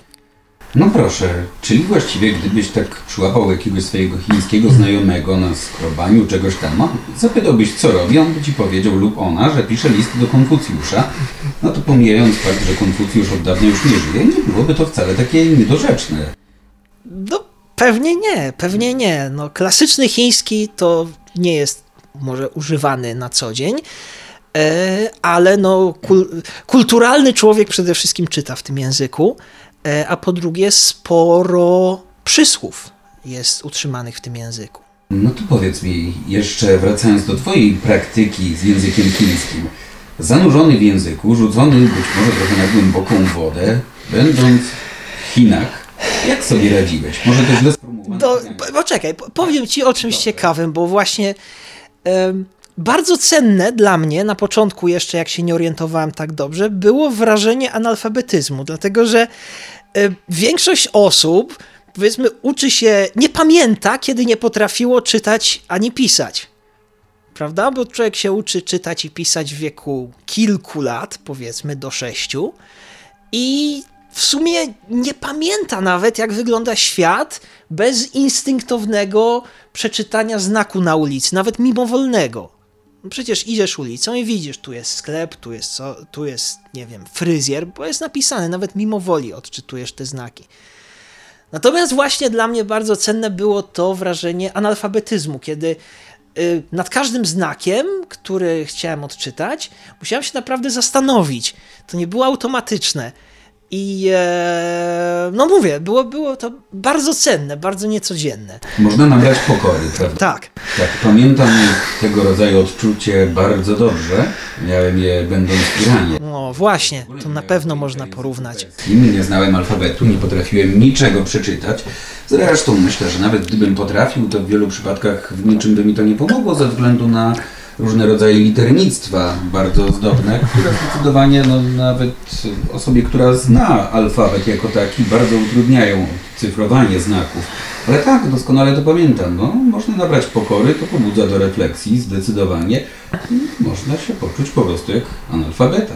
Tak, tak, tak, że, także widzisz, mamy e, wspólne przeżycie. No dobrze, ale to Cię zapewne stymulowało do pracy intelektualnej, do nauki, do odcyfrowywania kolejnych znaków, z którymi się stykałeś. A ja jestem ciekaw, jak to wyglądało w praktyce. Na ile mogłeś swobodnie się dogadać w kwestiach prozaicznych, a być może także tych trochę bardziej wyrafinowanych, no bo wspominasz o tym, jak rozmawiałeś ze swoimi znajomymi na tematy bardzo różne, a oni przecież, jak powiedziałeś, Krzysztof, nie znali angielskiego. No to znowu to była, był stopniowy proces. E, raczej już pojechałem ze zdolnością e, codziennych rozmów, także e, od pierwszego dnia starałem się chodzić do lokalnych sklepów z obsługą, powiedzmy, ludzką, z którą trzeba było porozmawiać. Także takie podstawowe rzeczy to, to w miarę szybko wchodziły w nawyk. Znaczy, też, tak jak w obcym języku, e, często problemem nie jest to, żeby samemu skonstruować zdanie, tylko żeby wychwycić, co osoba odpowiadająca na moje pytanie e, ma na myśli. Tak, to też znam bardzo dobrze. Przyznam, tak. że akurat mając okazję pobyć sobie w Turcji przez jakiś czas, byłem bardzo zdeterminowany do tego, by uczyć się języka. Sprawiało mi to mm. przyjemność wziąłem sobie taki cel, by skorzystać z tego pobytu jak najlepiej pod względem nauki języka tureckiego. I bardzo często czułem się bezradny, bo o ile być może nawet całkiem prawidłowo formułowałem swoje pytania, żałowałem tego wielokrotnie, bo odpowiedzi właściwie bywały dla mnie kompletnie niezrozumiałe, zwłaszcza, że w momencie, gdy ja się odzywałem po turecku, rozmówca wychodził z założenia, czy uruchamiała się u niego taka właśnie swoista swoboda, wychodził z założenia, że skoro tak, no to rozmawiajmy jak swój ze swoim. No i niestety, było to grubo ponad mój poziom. Owszem, owszem, wie, wiele razy zdarzały się takie sytuacje. Ehm, no tak, no ale mówię, starałem się też, no przecież codziennie uczyliśmy się tego języka, e, różnych aspektów jego, więc, więc lekcje pomagały, codzienny kontakt pomagał, a no tak jak już mówiłem, e, w razie problemów zwykle e, pomagało poproszenie osoby, e, z którą się rozmawiało, o narysowanie, napisanie tego, co chce powiedzieć, ponieważ wtedy można było to sprawdzić w słowniku. I co? Tak profilaktycznie miałeś ze sobą zawsze notes, coś do pisania? Nie, nie. Notes miałem ze sobą codziennie, ale to dlatego, że starałem się codziennie zapisywać nowe wrażenia. E, prowadziłem dziennik e, mojej podróży, e, ale słownik, za słownik, słownik najlepszy i najbardziej praktyczny znajduje się w telefonie komórkowym, ponieważ dzięki temu, że można, że, że dzięki dotykowemu ekranowi można spokojnie, bardzo łatwo narysować każdy znak e, bezpośrednio w słowniku, w dobrym słowniku. Wobec czego wystarczy podać komuś telefon z, z otwartym słownikiem, ta osoba wpisuje znak albo znaki i od razu można zobaczyć, co one znaczą. Czyli przynajmniej pod tym względem problemy udawało Ci się zapewne dość łatwo zażegnać. Tak jest. E, przy założeniu oczywiście dobrej woli drugiej strony. Już rozmawialiśmy o taksówkarzach. Nie będziemy chyba do tego wracać. Tak, tak, już spokój. tak. Oczywiście. A powiedz mi Krzysztof, czy budziłeś sensację? Mówię cały czas o języku chińskim, wyobrażam sobie. No, nie wszyscy się spodziewali, że, że potrafię zrozumieć i, i się porozumieć e, w tym języku. E, tak, to, to, to często było zaskoczenie dla ludzi, że rzeczywiście rozumiem, co, co mówią i że potrafię na to odpowiedzieć. E, no i, ale zwykle były to, zwykle ludzie byli pozytywnie tym zaskoczeni. I znowu, jak, jak, jak też ci mówiłem, bardzo um, szybko chcieli skrócić dystans na tematy na przykład polityczne, jak ci znowu mówiłem z tą sytuacją z, z przynależnością Tajwanu. Tak, tak.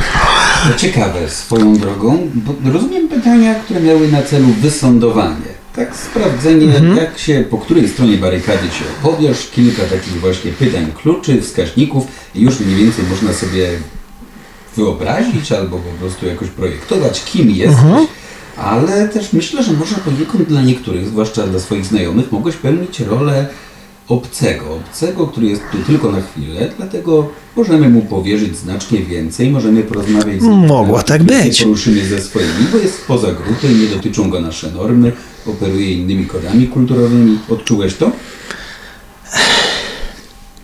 Myślę, że myślę, że nie.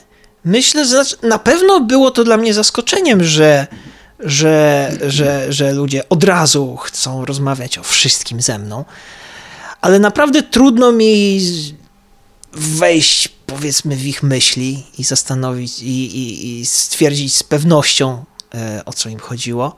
Na być może był i taki element, jak, jak mówisz. Jeżeli chodzi o, o sensację, jak to ująłeś, to jeżeli chodzi o moją osobę, największą sensacją, największym źródłem pytań było to, czy mój kolor włosów jest naturalny. No, tak. A ty odpowiadałeś, nie, to tupecik. Nie, mówiłem oczywiście, że są naturalne.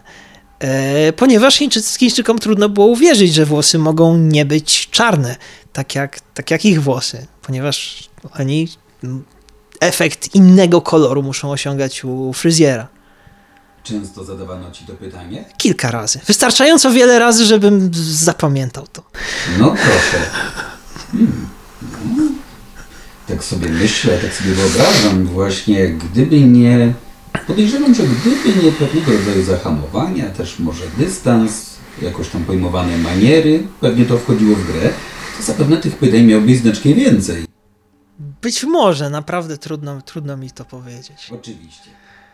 Wiemy już, że w Chinach podczas swojego pobytu szlifowałeś język chiński, uczyłeś się gry na tradycyjnym instrumencie, ale na tym nie koniec, bo uczyłeś się też tradycyjnych sztuk plastycznych. To prawda. Uczyłem się kaligrafii i malarstwa. To może na temat tej kaligrafii najpierw. Właściwie to nie dziwię się, że kultura chińska wytworzyła poprzez dzieje w toku swojej historii coś takiego jak kaligrafia. No wcześniej już rozmawialiśmy o piśmie, o piśmie w dużej mierze obrazkowym, więc tak, to niejako samo przez się wymusiło powstanie takiej sztuki. Ale właściwie Krzysztof, dlaczego zdecydowałeś się na kaligrafię? Bo rozumiem, że to było kwestią Twojej woli. Nie zmuszono Cię do podjęcia takich zajęć. Nie, nie zmuszono mnie do tego, ale kaligrafią byłem zainteresowany, jestem zainteresowany od dawna i to nie, nie tylko wschodnią, ale i zachodnią. E, tak, naprawdę? naprawdę. Od, od mniej więcej liceum zawsze jestem osobą, która pisze kartki, kiedy można napisać te kartki. E, ponieważ interesuje mnie sztuka ładnego pisania, różne charaktery pisma, różne sposoby liternictwa w zachodniej e, kulturze, no i we wschodniej również. No to porozmawiajmy o tej chińskiej kaligrafii, bo to wydaje mi się bardzo ciekawe.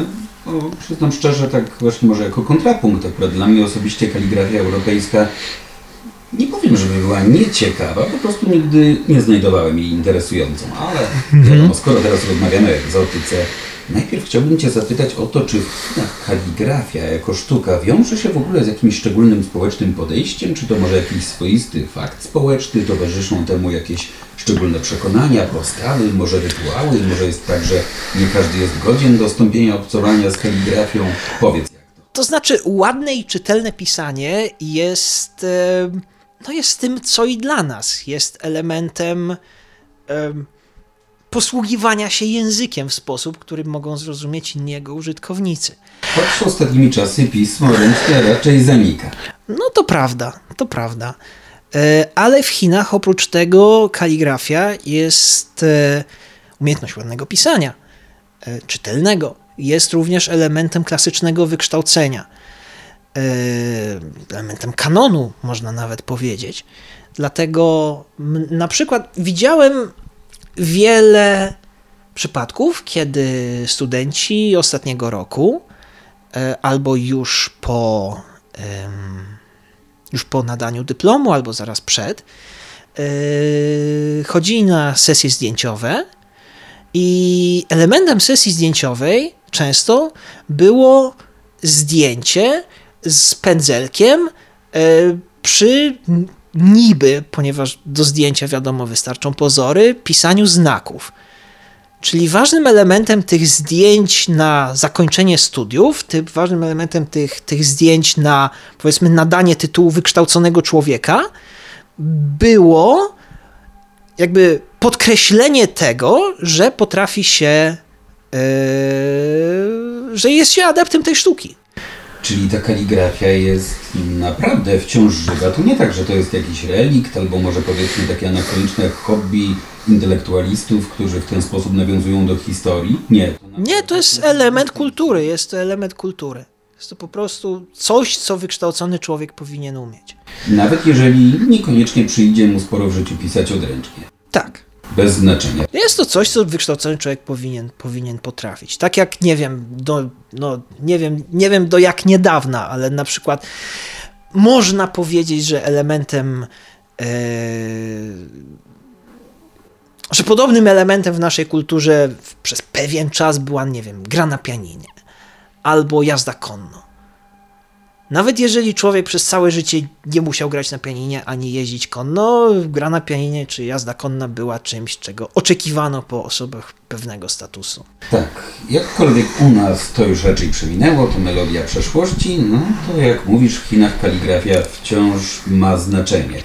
I powiedz mi, Krzysztof, jak w ogóle wyglądały te zajęcia z kaligrafii? Jak to przebiegało? Siadałeś sobie w jakimś skryptorium, w jakimś receptarzu, niczym mnich średniowieczny i tam coś sobie skrobałeś w ciemnicy? Nie, to były bardzo powiedziałbym wschodnie, bardzo azjatyckie lekcje. Był mistrz nasz kaligrafii, nauczyciel. To w ogóle był profesor uniwersytetu, e, którego specjalnością były znaki chińskie. Był to, powiedzmy, chiński sinolog, którego specjalnością była znajomość różnych historycznych i współczesnych form znaków. Przepraszam, tu się wtrącę. To jak myślisz, ile taki specjalista, sinolog, tego jeszcze prawdziwy Chińczyk specjalizujący się właśnie w znakach, a więc jak powiedziałeś, znający również historyczne znaki, ile on takich znaków może znać? Jakiego rzędu to liczba? Kilkaset tysięcy, pewnie koło stu, myślę, że mógłby znać. 100 tysięcy. Mógłby znać koło 100 tysięcy. Może nawet i więcej, ponieważ to był już pan przed emeryturą i bardzo poważany przez wszystkich. Niesamowite. Trudno mi to do czegokolwiek odnieść z uwagi na to, że przecież no, posługujemy się zupełnie innym zapisem. No właściwie tak, trudno mi znaleźć jakieś porównanie, jakiś punkt odniesienia w kulturze zachodniej. Co by to mogło być? Myślę, że można by to było porównać do znawcy muzyki, który zna bardzo wiele, na przykład wszystkie melodie kiedykolwiek napisane przez Händla albo przez Bacha. Myślę, że można by to było porównać do tego. Tak, to musiałby być trochę pięknym umyśle. Oczywiście żartuję. Tak, to by było imponujące. Aczkolwiek No właśnie, skala wciąż jest trudna do porównania, bo znać no, kilkaset tysięcy znaków, a jednak znacznie mniejszą ilość utworów skomponowanych przez mm. tego lub tamtego kompozytora. Jakkolwiek utwory no, są bardziej złożone, składają się powiedzmy z pewnej liczby znaków. No nie, trudno mi to porównać. W każdym razie bez dwóch zdań robi wrażenie. No i wracając. Tak, i e, razem z, z grupą naszą siadaliśmy e, do ćwiczeń. Na pierwsze wiele lekcji polegało na ćwiczeniu poszczególnych pociągnięć i to też było bardzo, kojarzy mi się wschodnie, bo pisaliśmy przez półtorej godziny jedno pociągnięcie. E, raz koło razu. Tak jest, tak jest. Nauczyciel chodził i mówił, to trzeba poprawić. Albo tutaj jest nieźle, ale raczej trzeba było coś poprawić. I, I, pamiętam, że o ile na lekcje na początku, na ten kurs były dwie grupy, e, zapisało się tyle osób, że brakowało miejsca w sali, to do ostatnich zajęć dotrwało nas może z 8 osób. I na tych jednym, z, na jednym, nie wiem czy na ostatnich, czy przedostatnich, w każdym razie pod koniec tej, tej całej serii zajęć e, powiedział nam e, nasz nauczyciel, że od początku wiedział, kto zostanie, ponieważ zwykle są to ludzie, którzy na pierwszej lekcji nie rozmawiają, tylko skupiają się na pisaniu. E, no właśnie. I ty miałeś okazję nie dość, że dotrwać, to jednak cały czas warto podkreślać to, że byłeś, domyślam się, jedynym Europejczykiem w grupie składającej się z Chińczyków. Nie, nie, nie. E, Uniwersytet w Nankinie organizował, przyjmował podobnych stypendustów jak ja z całego świata. E, wobec czego to były zajęcia wyłącznie dla zagranicznych osób. myślałem, że tak właśnie dotrwałeś wśród Chińczyków. Nie, nie, nie, nie, nie. Palił, zawstydziłby Chińczyków? Nie, to, to tak aż tak nie było, chociaż mam koleżankę, która faktycznie spędziła tam, psinolog e, z Wrocławia, e, która faktycznie napisała tam pracę magisterską wśród, wśród Chińczyków. Ale tak, to był cały, cały, cały pion dla nas zrobiony przez uniwersytet. No i właśnie, mieliśmy bardzo, mieliśmy osoby z całego świata dosłownie. Mieliśmy buddyjskie mniszki z Wietnamu, mieliśmy osoby z Mongolii, i z Korei, i z, z Kataru. Z Australii było całkiem sporo osób u mnie, z Japonii. A jakie tło miały te osoby? Jaki był ich kontekst? Mam na myśli to, czy po prostu interesowały się Chinami, jakoś tam trafiły z innych względów? Różnie, różnie. Czasami byli to studenci e, sinologii ze swoich uniwersytetów, a czasami były to osoby, e, które, no właśnie, podobnie jak ja, e, zainteresowały się kulturą, zdały egzaminy i zostały tam przyjęte. Proszę.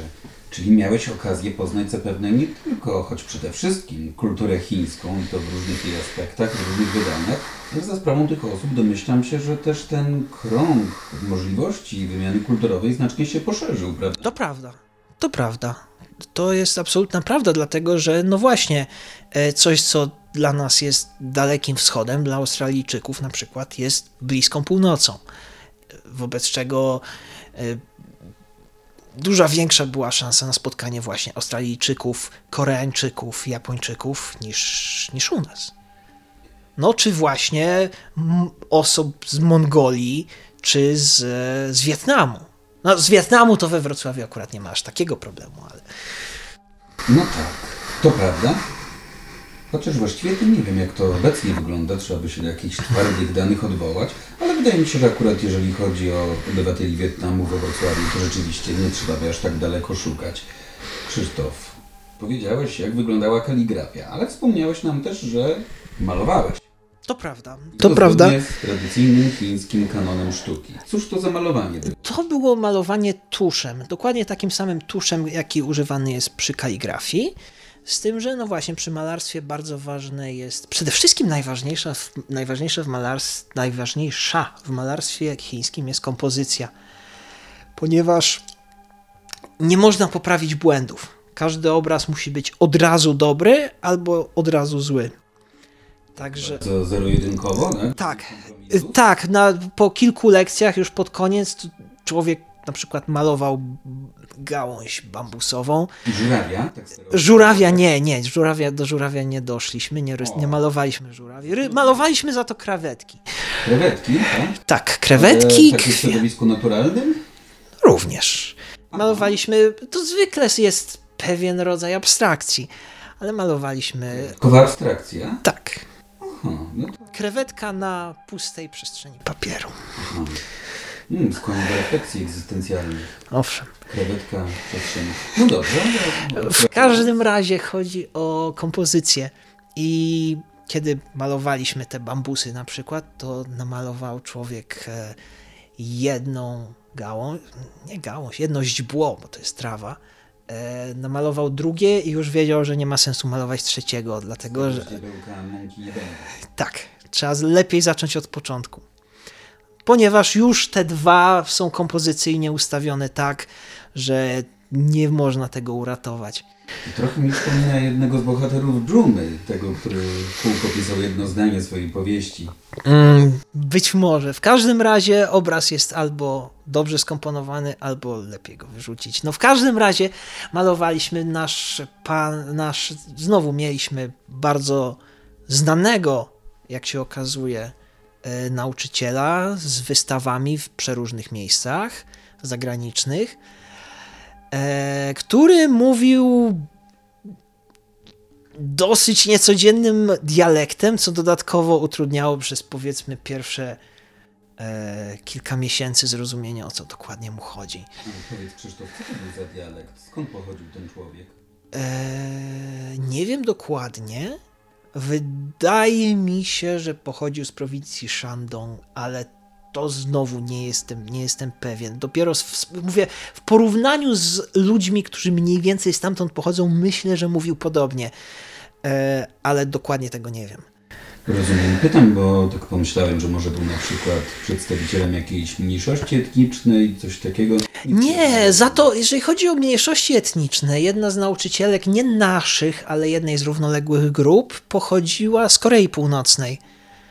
E, i w ogóle podobno była jedną z najmilszych osób na świecie i jedną z najlepszych nauczycielek. Z tego co wiem, to właśnie jedna z popularnych dróg ucieczki z Korei Północnej wiedzie właśnie przez Chiny, ale wiąże się, nie wiem, może trafiłeś na te informacje, o tym trochę czytałem i też słyszałem od samych Koreańczyków. To jest bardzo ryzykowne, ponieważ handlarze ludźmi czyhają na takie osoby i mm. kobiety chociażby bardzo często są odławiane i to mówię dosłownie, bo ta droga mm. idzie przez rzekę i bardzo często potem sprzedawane są de facto w niewolę chińskim chłopom. To zresztą też rodzi wiele dramatów, bo z czasem na przykład rodzina odnajduje taką kobietę, okazuje się, że zdążyła już mieć drugą rodzinę w Chinach, te rodziny są łączone, to są bardzo dramatyczne, trudne mm. sytuacje. Mówię, to trudno mi cokolwiek o tym powiedzieć. E, na pewno są to, są to dramatyczne sytuacje i e, chociaż nie mogłem o nich słyszeć zbyt wiele, po pierwsze dlatego, że byłem w środku, a nie na zewnątrz, e, a po drugie dlatego, że byłem dosyć daleko od tej granicy koreańskiej. No, tak tylko pomknąłem, bo... Nie, nie, to owszem, owszem są to, są to ważne i, i, i, i trudne problemy, ale naprawdę trudno mi coś z własnego doświadczenia o nich powiedzieć. Jasne, tylko w momencie, gdy powiedziałeś mhm. o tej kobiecie z Korei Północnej, to od razu właśnie przed oczami stanęły te dramatyczne sceny, mhm. o których dużo słyszałem rzeczywiście. O, nic dziwnego. No ale wracając, abstrahując od historii tej pani. E, tak. No właśnie, ponieważ mówiłeś o... Ha, i właśnie, widzisz, trochę dygresji było, byliśmy gdzieś... Rozmawialiśmy o, o różnych kulturach, o mniejszościach. Tak, mniejszość Ujgurów na przykład. E, tak, przepraszam, że się wtrącę.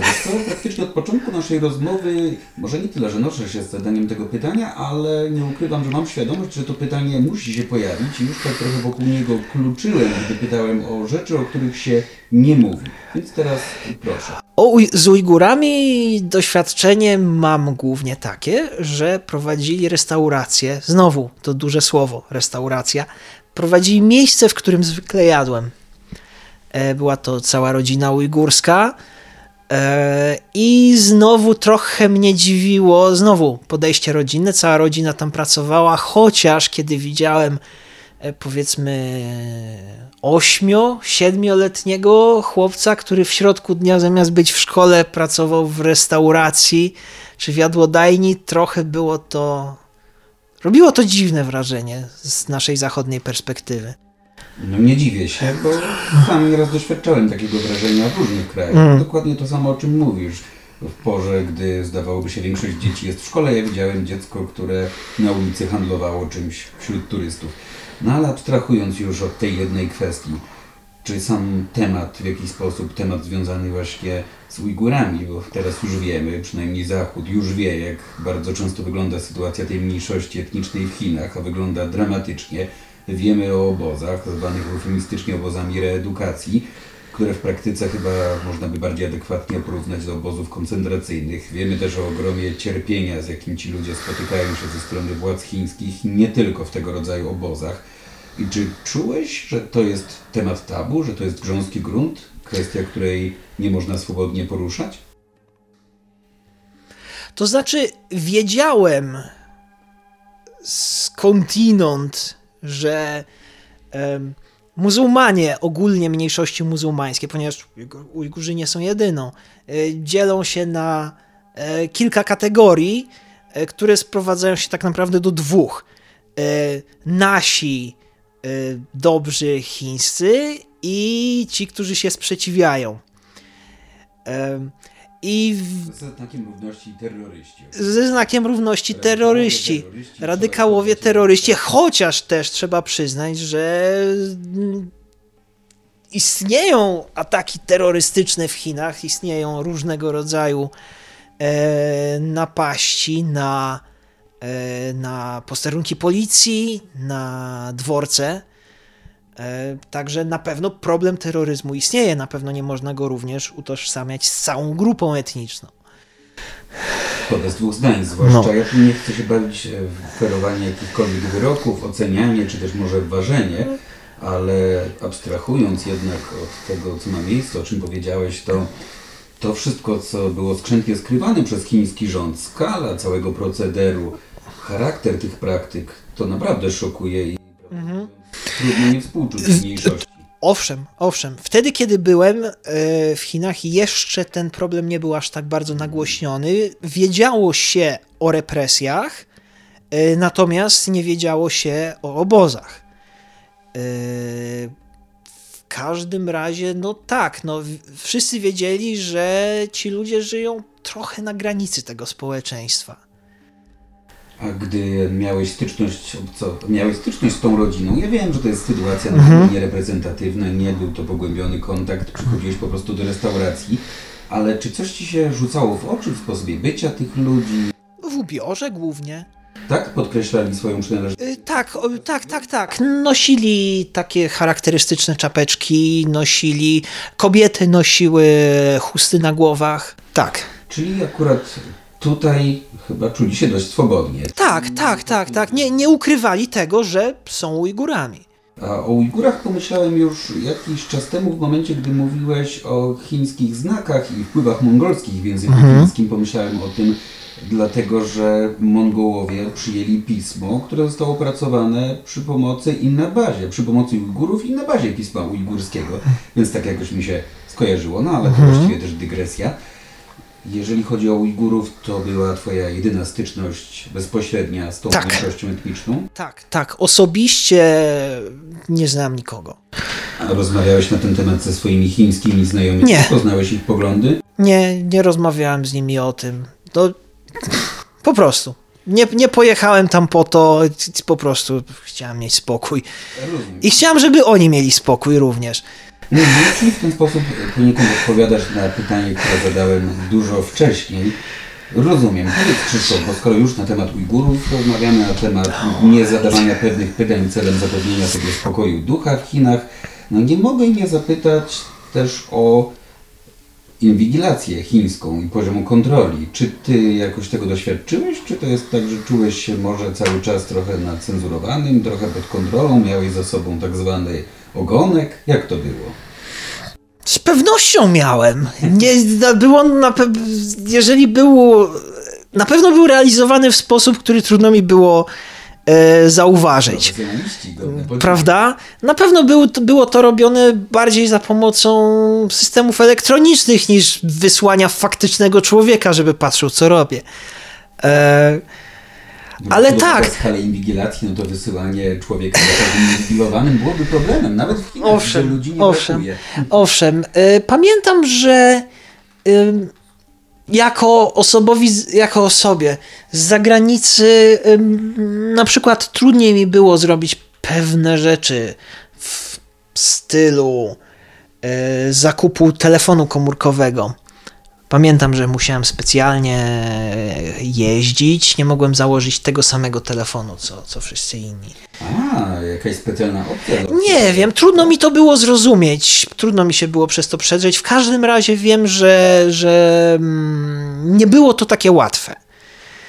Rozumiem, a poza tym mówisz... O, poza tym, jedynym powodem, znaczy jedynym powodem, jedynym. E, nie, tak, jedynym powodem, dla którego nie byłem odcięty od świata zachodniego, było to, że dysponowałem VPN-em. No tak, bez tego mówisz, jednak twoje okno na świat było nieco zawężone. byłoby ograniczone do wyłącznie tego, co Chińczycy mają w swoim murze chińskim internetowym. De facto w alternatywnym internecie. Chociaż nie, moment, to nie jest do końca prawda. Yy, Zauważyłem, że niektóre strony z polskiego internetu są za tym murem, a niektóre nie są. Na przykład na wirtualnej Polsce niektóre podstrony m- były dostępne z, z chińskiego internetu, a niektóre nie. No proszę, ciekawe jakim kluczem to się kieruje. Trudno mi powiedzieć. Na pewno główna strona była dostępna, ale już na przykład podstrona, jeżeli się nie mylę, biznesowa nie. Ciekawe, no algorytm na pewno jest potężny, algorytmów na pewno zaprzęgnięto do inwigilacji, na rzecz inwigilacji bardzo wiele. Zresztą jeżeli już o tym mówimy i o górach, no to czytałem też kiedyś reportaż właśnie na temat Xinjiangu, popraw mnie jeżeli źle wymówiłem. Są różne wymowy. E, Wydaje mi się, według, według, według e, oficjalnej wymowy to jest Xinjiang. Aha, ale w moim chińskim dialekcie tak, tak, tak. Dobrze, przyjmuję to pokornie. W każdym razie w tej właśnie chińskiej prowincji, w Turkestanie Wschodnim, gdzie żyje najwięcej Ujgurów, czytałem, że wygląda to zasadniczo tak, że prawdopodobnie gdzieś w Pekinie, w jakimś centrum policyjnym, czy jak to nazwać, działa sobie komputer, no wiadomo, nie jeden, tylko cała sieć bardzo złożona, o ogromnej mocy obliczeniowej, no i tak sobie analizuje dane, big data, cały czas to się procesuje, a taki szeregowy posterunkowy Xinjiangu, przepraszam, jeszcze raz ile? Xinjiangu. Wydaje mi się, że jednym z polskich spolsz... z z polskich spolszczeń, jednym ze spolszczeń jest Xinjiang. O, jak już to źle brzmi. W każdym razie, w tej prowincji, o której właśnie obaj dobrze wiemy, w tej prowincji prosty Słowian, zwykły posterunkowy dostaje tylko konkretny już komunikat, rezultat tego wszystkiego, co przetrawił ten algorytm, cała ta maszyneria i to jest najczęściej komunikat w rodzaju właśnie komu należy się przyjrzeć albo kogo zdaniem maszynerii należy inwigilować. Nie byłem tak daleko na zachód. Naprawdę trudno mi powiedzieć cokolwiek. Styczność z chińskim biurem e, wewnętrznego, jak to się nazywa? W, G- Gonganbu. O właśnie. Gonganbu, e, czyli e, dział e, wewn... wspólnego pokoju, o powiedzmy tak. Harmonia MSW. też, tak? MSW. E, tak, Dla potrzebne... Ciebie, Byłem tam. Ale harmonizowano się tam? Nie, natomiast zrobiono mi tam piękne zdjęcie. E. pamiątkowe, wyglądam jak skazaniec na tym zdjęciu. Kwestia czasu może. Kwestia czasu, być może. W każdym razie pojechałem, musiałem tam pojechać, żeby przedłużyć wizę i okazało się, że muszą mi zrobić własne zdjęcie na własnych papierach i stąd mam piękną pamiątkę w postaci mojego zdjęcia. tak? Dostałeś to zdjęcie? Dostałem to zdjęcie, mam kilka. No proszę. A podpisałeś tam coś może przy okazji? Tylko dokumenty wizowe. Tak? Tak. No. Ale skrzyłeś parę raportów. Nie. Możesz powiedzieć mi, możesz powiedzieć. Nie, nic, nie, nic nie składałem. Składałem, składałem chyba, chyba, że były schowane w regulaminie konta bankowego, które musiałem założyć. E... Czerpałeś z tego korzyści jeszcze, chcesz nam powiedzieć teraz, tak? No, wypłacane mi było stypendium. Rozumiem. Nie masz skrupułów. Dobrze, nie będę cię podróżowałeś też po Chinach. Nie byłeś tylko i wyłącznie na uczelni. Trochę się tam To prawda, to prawda. Gdzie byłeś? Byłem w Szanghaju, byłem w Pekinie, byłem w Xi'an, byłem w Luoyang, e, byłem w Górach Żółtych, w Huangshan, byłem w Qingdao nad morzem, byłem w, byłem w, w klasztorze Shaolin. O, proszę. Wychowałem się na Mortal Kombat. chyba łezkę wzruszenia zaraz uronię. No. no. W każdym razie... Przejechałeś parę tysięcy kilometrów. Do to prawda, koleją. Koleją, a w Chinach z tego co wiem, akurat sieć kolejowa jest całkiem dobrze rozwinięta, prawda? Tak, tak, tak. Chociaż e, zapotrze zapotrzebowanie, popyt jest tak duży, że większy, no co najmniej z połowa tych podróży odby połowę z tych podróży odbyłem nie, powiedzmy, nawet nie na miejscu siedzącym, tylko na miejscu stojącym na korytarzu. Ojej, no to na pewno wiele godzin musiałeś stać. No, to prawda, chociaż rozmowy, myślę, były tego warte. No, poza tym mogłeś sobie też kontemplować słowa Konfucjusza po drodze. No, z pewnością. Tak. Mhm. No i jakie miejsca wywarły na tobie największe wrażenie? Góry żółte były piękne ze względów naturalnych. E, mnóstwo zdjęć, mnóstwo nawet obrazów malowanych, które przedstawia stereotypowo chiński krajobraz, które wszyscy, myślę, mają w głowie, pochodzi właśnie stamtąd. E, są to wyniosłe szczyty, zamglone przeważnie e, i to jeszcze w dodatku leżące w strefie klimatycznej, która daje wszystkie cztery pory roku, dlatego w zimie są ośnieżone, na wiosnę są zielone. Jest to naprawdę piękne miejsce. Duże wrażenie zrobił na mnie Szanghaj, wszystkie miejsca tak naprawdę. Wielkie, wysokie mury w Xi'an starożytne, otaczające stare miasto. Mm piękne posągi w Luoyang, w jednej ze, z dawnych stolic. Posągi buddyjskie wyrzeźbione w grotach y, przy rzece. Obserwatorium astronomiczne starożytne jedno zwiedziłem y, w pobliżu, y, właśnie w pobliżu Shaolin. Istnieje zbudowane stare obserwatorium astronomiczne. Jak stare? Nie pamiętam, wydaje mi się, że XVII wiek. Zbudowano, by, zbudowane tam są takie wieże i takie specjalne zwierciadła do obserwowania, też brązowe wklęsłe zwierciadła do obserwowania słońca przez jego odbicie, żeby nie patrzeć bezpośrednio w słońce. Też pamiętam. Niesamowite. Tak, było to, było to naprawdę ciekawe miejsce. Um, bardzo ciekawa była też jedna wioska, do której dotarłem całkiem przypadkiem, głównie dlatego, że miałem pojechać w jedno miejsce, ale okazało się, że autobus mi uciekł. Była to wioska Cheng'an, jeżeli się nie mylę. W każdym razie była to wioska z czasów dynastii Ming, czyli z czasów powiedzmy początku renesansu naszego, e, zbudowana w całości zgodnie z zasadami Feng Shui i zachowana od tego czasu nie w niezmienionej formie, ale nie jako skansen, tylko jako normalne miejsce mieszkania dla ludzi. Właśnie to miałem pytać, bo w którymś momencie już byłem niemal pewien, że zachowano ją jako, no właśnie, skansen, jako zabytek, a ludzie nieprzerwanie od tych kilkuset lat tam mieszkają, a tak. wioska nie zmieniła swojego kształtu. To prawda. Istnieje kilka nowych budynków poza granicami, ale ogólnie w tych starych budynkach wszystkich mieszkają ludzie i zajmują się swoim gospodarstwem. W tym produkcją serów z tofu. Był to mój pierwszy raz, kiedy zjadłem e, pleśniowy ser tofu, zaserwowany mi przez okoliczną gospodynię również. To miejsce, domyślam się, jest pewnie jakoś prawnie chronione jako zabytek, prawda? Jak coś w rodzaju... Pewnie tak, pewnie tak. Trudno mi powiedzieć, jak to dokładnie z punktu widzenia prawa jest zrobione. A z tą gospodynią jak to było? Ja tak sobie romantycznie, Krzysztof, wyobrażam. Przyjechałeś tam podróżnik znający język chiński, młody, ciekawy świata, zapukałeś, usiadłeś, witaj przygodo i dostałeś właśnie pleśniowy ser tofu. Y, było... Myślę, że chyba niekoniecznie tak było. Było tak, prawie że tak. Dlatego, że od razu, kiedy przyjechałem tam autokarem, bo polecono mi to miejsce, więc znalazłem sobie połączenie i przyjechałem tam.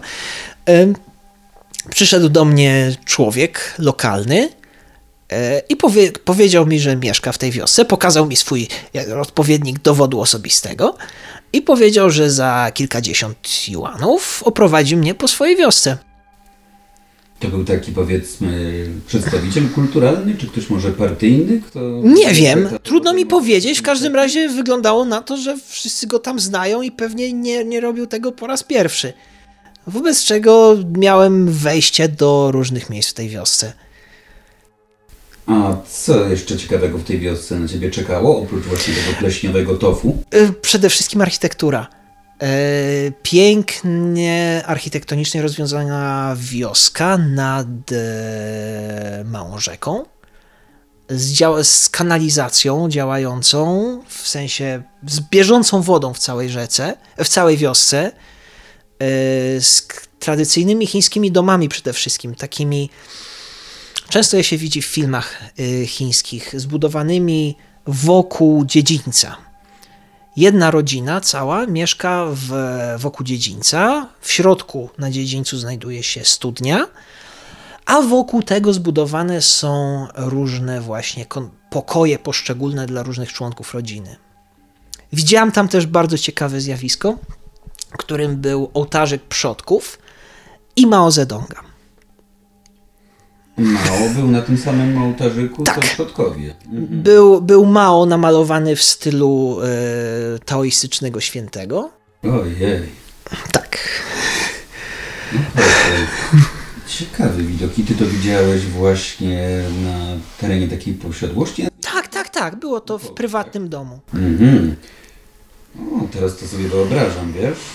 Słuchacze nie mogą widzieć mojego wyrazu twarzy, ale myślę, że gdyby mogli, no to byłoby to bardzo wymowne. Wydaje mi się, że nawet zrobiłem zdjęcie. Tak? Tak. O, z chęcią zobaczę, jeżeli się... Jeżeli je znajdę. Wydaje mi się, że je mam, chociaż być może to tylko w mojej pamięci jest. Dobrze, jeżeli zgodzisz mi się je udostępnić, to ja bardzo chętnie udostępnię je na profilu programu na Facebooku, tak żeby słuchacze też mogli cuda te zobaczyć.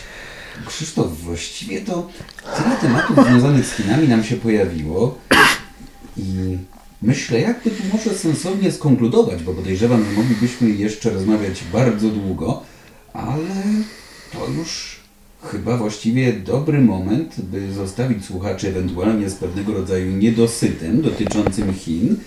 Nie, przepraszam. Ha, jakże mógłbym zapomnieć. Jeszcze na koniec.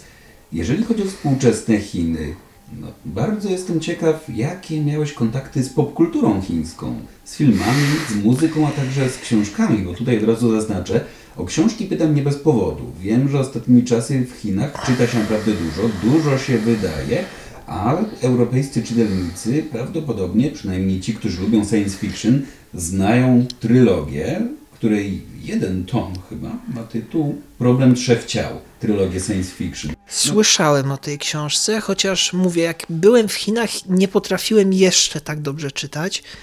E, dlatego z literaturą, powiedzmy, codzienną, nawet współczesną, mam dużo mniejszy kontakt niż z klasyczną w tym momencie chińską. Rozumiem. A tak Twoje ogólne wrażenia właśnie dotyczące chińskiej popkultury, zarówno bazując na Twoim pobycie półrocznym w Chinach, jak i też na tym, czego się dowiedziałeś gdzieś indziej, w innych okolicznościach? Wiem, bardzo ogólne pytanie, bo znowu Chińczyk pyta Chińczyka, jak to z popkulturą w Polsce? Każda różnica byłaby zasadnicza, bo jednak chyba bardziej podlegamy pod tym względem globalizacji. Niż... To prawda, to prawda, chociaż y, już wtedy wiem, że zaczęły karierę robić, wtedy popularne zaczęły być koreańskie boys bandy i zaraz niedługo potem na wzór ich powstały chińskie boys bandy podobne. Był jeden przebój wielki, kiedy ja byłem w Chinach. E, była to piosenka o jabłuszku z choreografią, do której wszyscy znali kroki i wszyscy znali słowa i wszyscy słuchali. Co za jabłuszko? O jabłku. Nie, było w piosence generalnie chodzi o to, że e, słowa sprowadzają się do tego, że jesteś moim jabłkiem. Z robakiem. Bez. Aha, to piękne. To piękne. Jesteś moim małym jabłuszkiem. Głównie chodziło też o choreografię dosyć charakterystyczną. Jaka to choreografia? Wiem, teraz będziemy tak jakbyśmy tańczyli o architekturze, ale... Tak.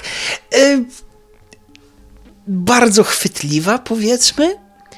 Y i z tego co pamiętam, również skomponowana przez artystkę z Korei. Bardzo charakterystyczna. Muszę, muszę ci kiedyś pokazać. Dobrze, no to też udostępnij na Facebooku. Tylko powiedz mi, bo piosenka piosenką i ta choreografia była prezentowana w teledysku do tego. Tak, tak, tak, tak było. namiętnie powtarzali. Tak było. Owszem, owszem. W ogóle a propos, o, popkultura chińska, bardzo charakterystyczną sprawą było też, co też jakby łączy się z tym życiem e, społecznym, e, które działo się na ulicy, bardzo też często e, ludzie wieczorami spotykali się na tańcach na ulicy. I jak to wyglądało? To... Znaczy, najpierw chciałbym Cię zapytać, ale spotykali się, to były takie bardziej spontaniczne spotkania, ludzie przychodzili? Spontaniczne, chociaż pewnie... Grupy na portalach? Trudno mi powiedzieć, wydaje mi się, że po prostu było to coś, co się działo co kilka dni w danym miejscu. E, w każdym razie ludzie, głównie w średnim i starszym wieku, chociaż nie tylko, spotykali się e, po to, żeby przećwiczyć układ taneczny na przykład, do jakiegoś utworu, albo żeby potańczyć towarzysko, albo żeby zrobić układ, a później tańczyć towarzysko. To ciekawe, bo fakt, o którym mówisz, że ludzie pracowali nad jakimiś konkretnymi układami tanecznymi, świadczy o tym, że to było coś no nie takiego znowu efemerycznego, że parę osób się... Nie, nie, nie, to było kilkadziesiąt osób. O, ale to tym trudniej, wiesz co, no. To w, w średnim, starszym wieku myślę, że też element ćwiczenia miał swoją E, miał swoją wagę w tym, ale wydawało mi się, że sprawia im to autentyczną przyjemność i było to na pewno oddolne. To musiało być jednak coś trwałego, już rodzaj faktu społecznego, coś obiektywnego, mhm. w tym sensie, że bez względu na to, kto przyjdzie, to będzie działało. No i na tyle musiało być to już ugruntowane, że ludzie mogli ćwiczyć coś trochę bardziej wymagającego niż właśnie doraźne, spontaniczne pląsanie. Ciekawe, rzeczywiście. I to widywałeś normalnie na porządku dziennym? W wielu miejscach w wielu miastach, w wielu miejscach. No proszę. Dobrze, o wielu miastach i o wielu miejscach w Chinach nie tylko moglibyśmy jeszcze rozmawiać, ale myślę, że chyba póki co właśnie słuchaczy zostawimy z tym wszystkim, a jeżeli jeszcze kiedyś chcielibyście posłuchać o Chinach, i wykluczone, że taka okazja będzie. A póki co ja naprawdę gorąco zachęcam do słuchania na łamach i znowu zastanawiam się, czy stacja radiowa ma jakieś łamy. Na falach Akademickiego Radia Luz naprawdę warto posłuchać audycji, której twórcą jest mój gość, Krzysztof Zuber. Audycja nosi tytuł Raga Lechestanie i jest również całe archiwum dostępne na stronie Mixcloud. Więc naprawdę warto. I dodajmy, że nawet jeżeli nie mieszkacie we Wrocławiu bądź w okolicach, to i tak audycji możecie rzecz jasna bez problemu słuchać w internecie. Owszem. Bardzo Ci dziękuję, Krzysztof. Dziękuję za rozmowę, bardzo mi było miło. To ja jeszcze tylko na koniec dla porządku przypomnę, że gościem tego odcinka podcastu Centralnie na Wschód był Krzysztof Zuber, autor programu Raga Lachestani, którego możecie słuchać co dwa tygodnie w niedzielę o godzinie 23 na falach Akademickiego Radia Luz. Jeżeli jakimś dziwnym trafem fale Akademickiego Radia Luz nie sięgają do waszego domu, oczywiście programu Krzysztofa możecie słuchać w internecie. A jeżeli chodzi o podcast Centralnie na Wschód, możecie go słuchać o dowolnej porze, w dowolnym miejscu, a także praktycznie na dowolnej platformie, ponieważ znajdziecie go zarówno na YouTube, Spotify, Google Podcasts, na Deezerze, a także wielu innych platformach, więc myślę, że każdy będzie mógł dopasować medium do swoich preferencji. Na koniec jeszcze tradycyjnie zachęcam oczywiście do odwiedzania profilu podcastu na Facebooku. Jeżeli macie ochotę, śmiało komentujcie jest to co najmniej bardzo mile widziane. A jeżeli macie ochotę, z czego zresztą niemało osób już korzysta, możecie pisać do mnie prywatnie. Jak najbardziej zapraszam. Ja nazywam się Michał Korczowski i zapraszam również na oczywiście przede wszystkim kolejne odcinki podcastu Centralnie na Wschód. Do usłyszenia.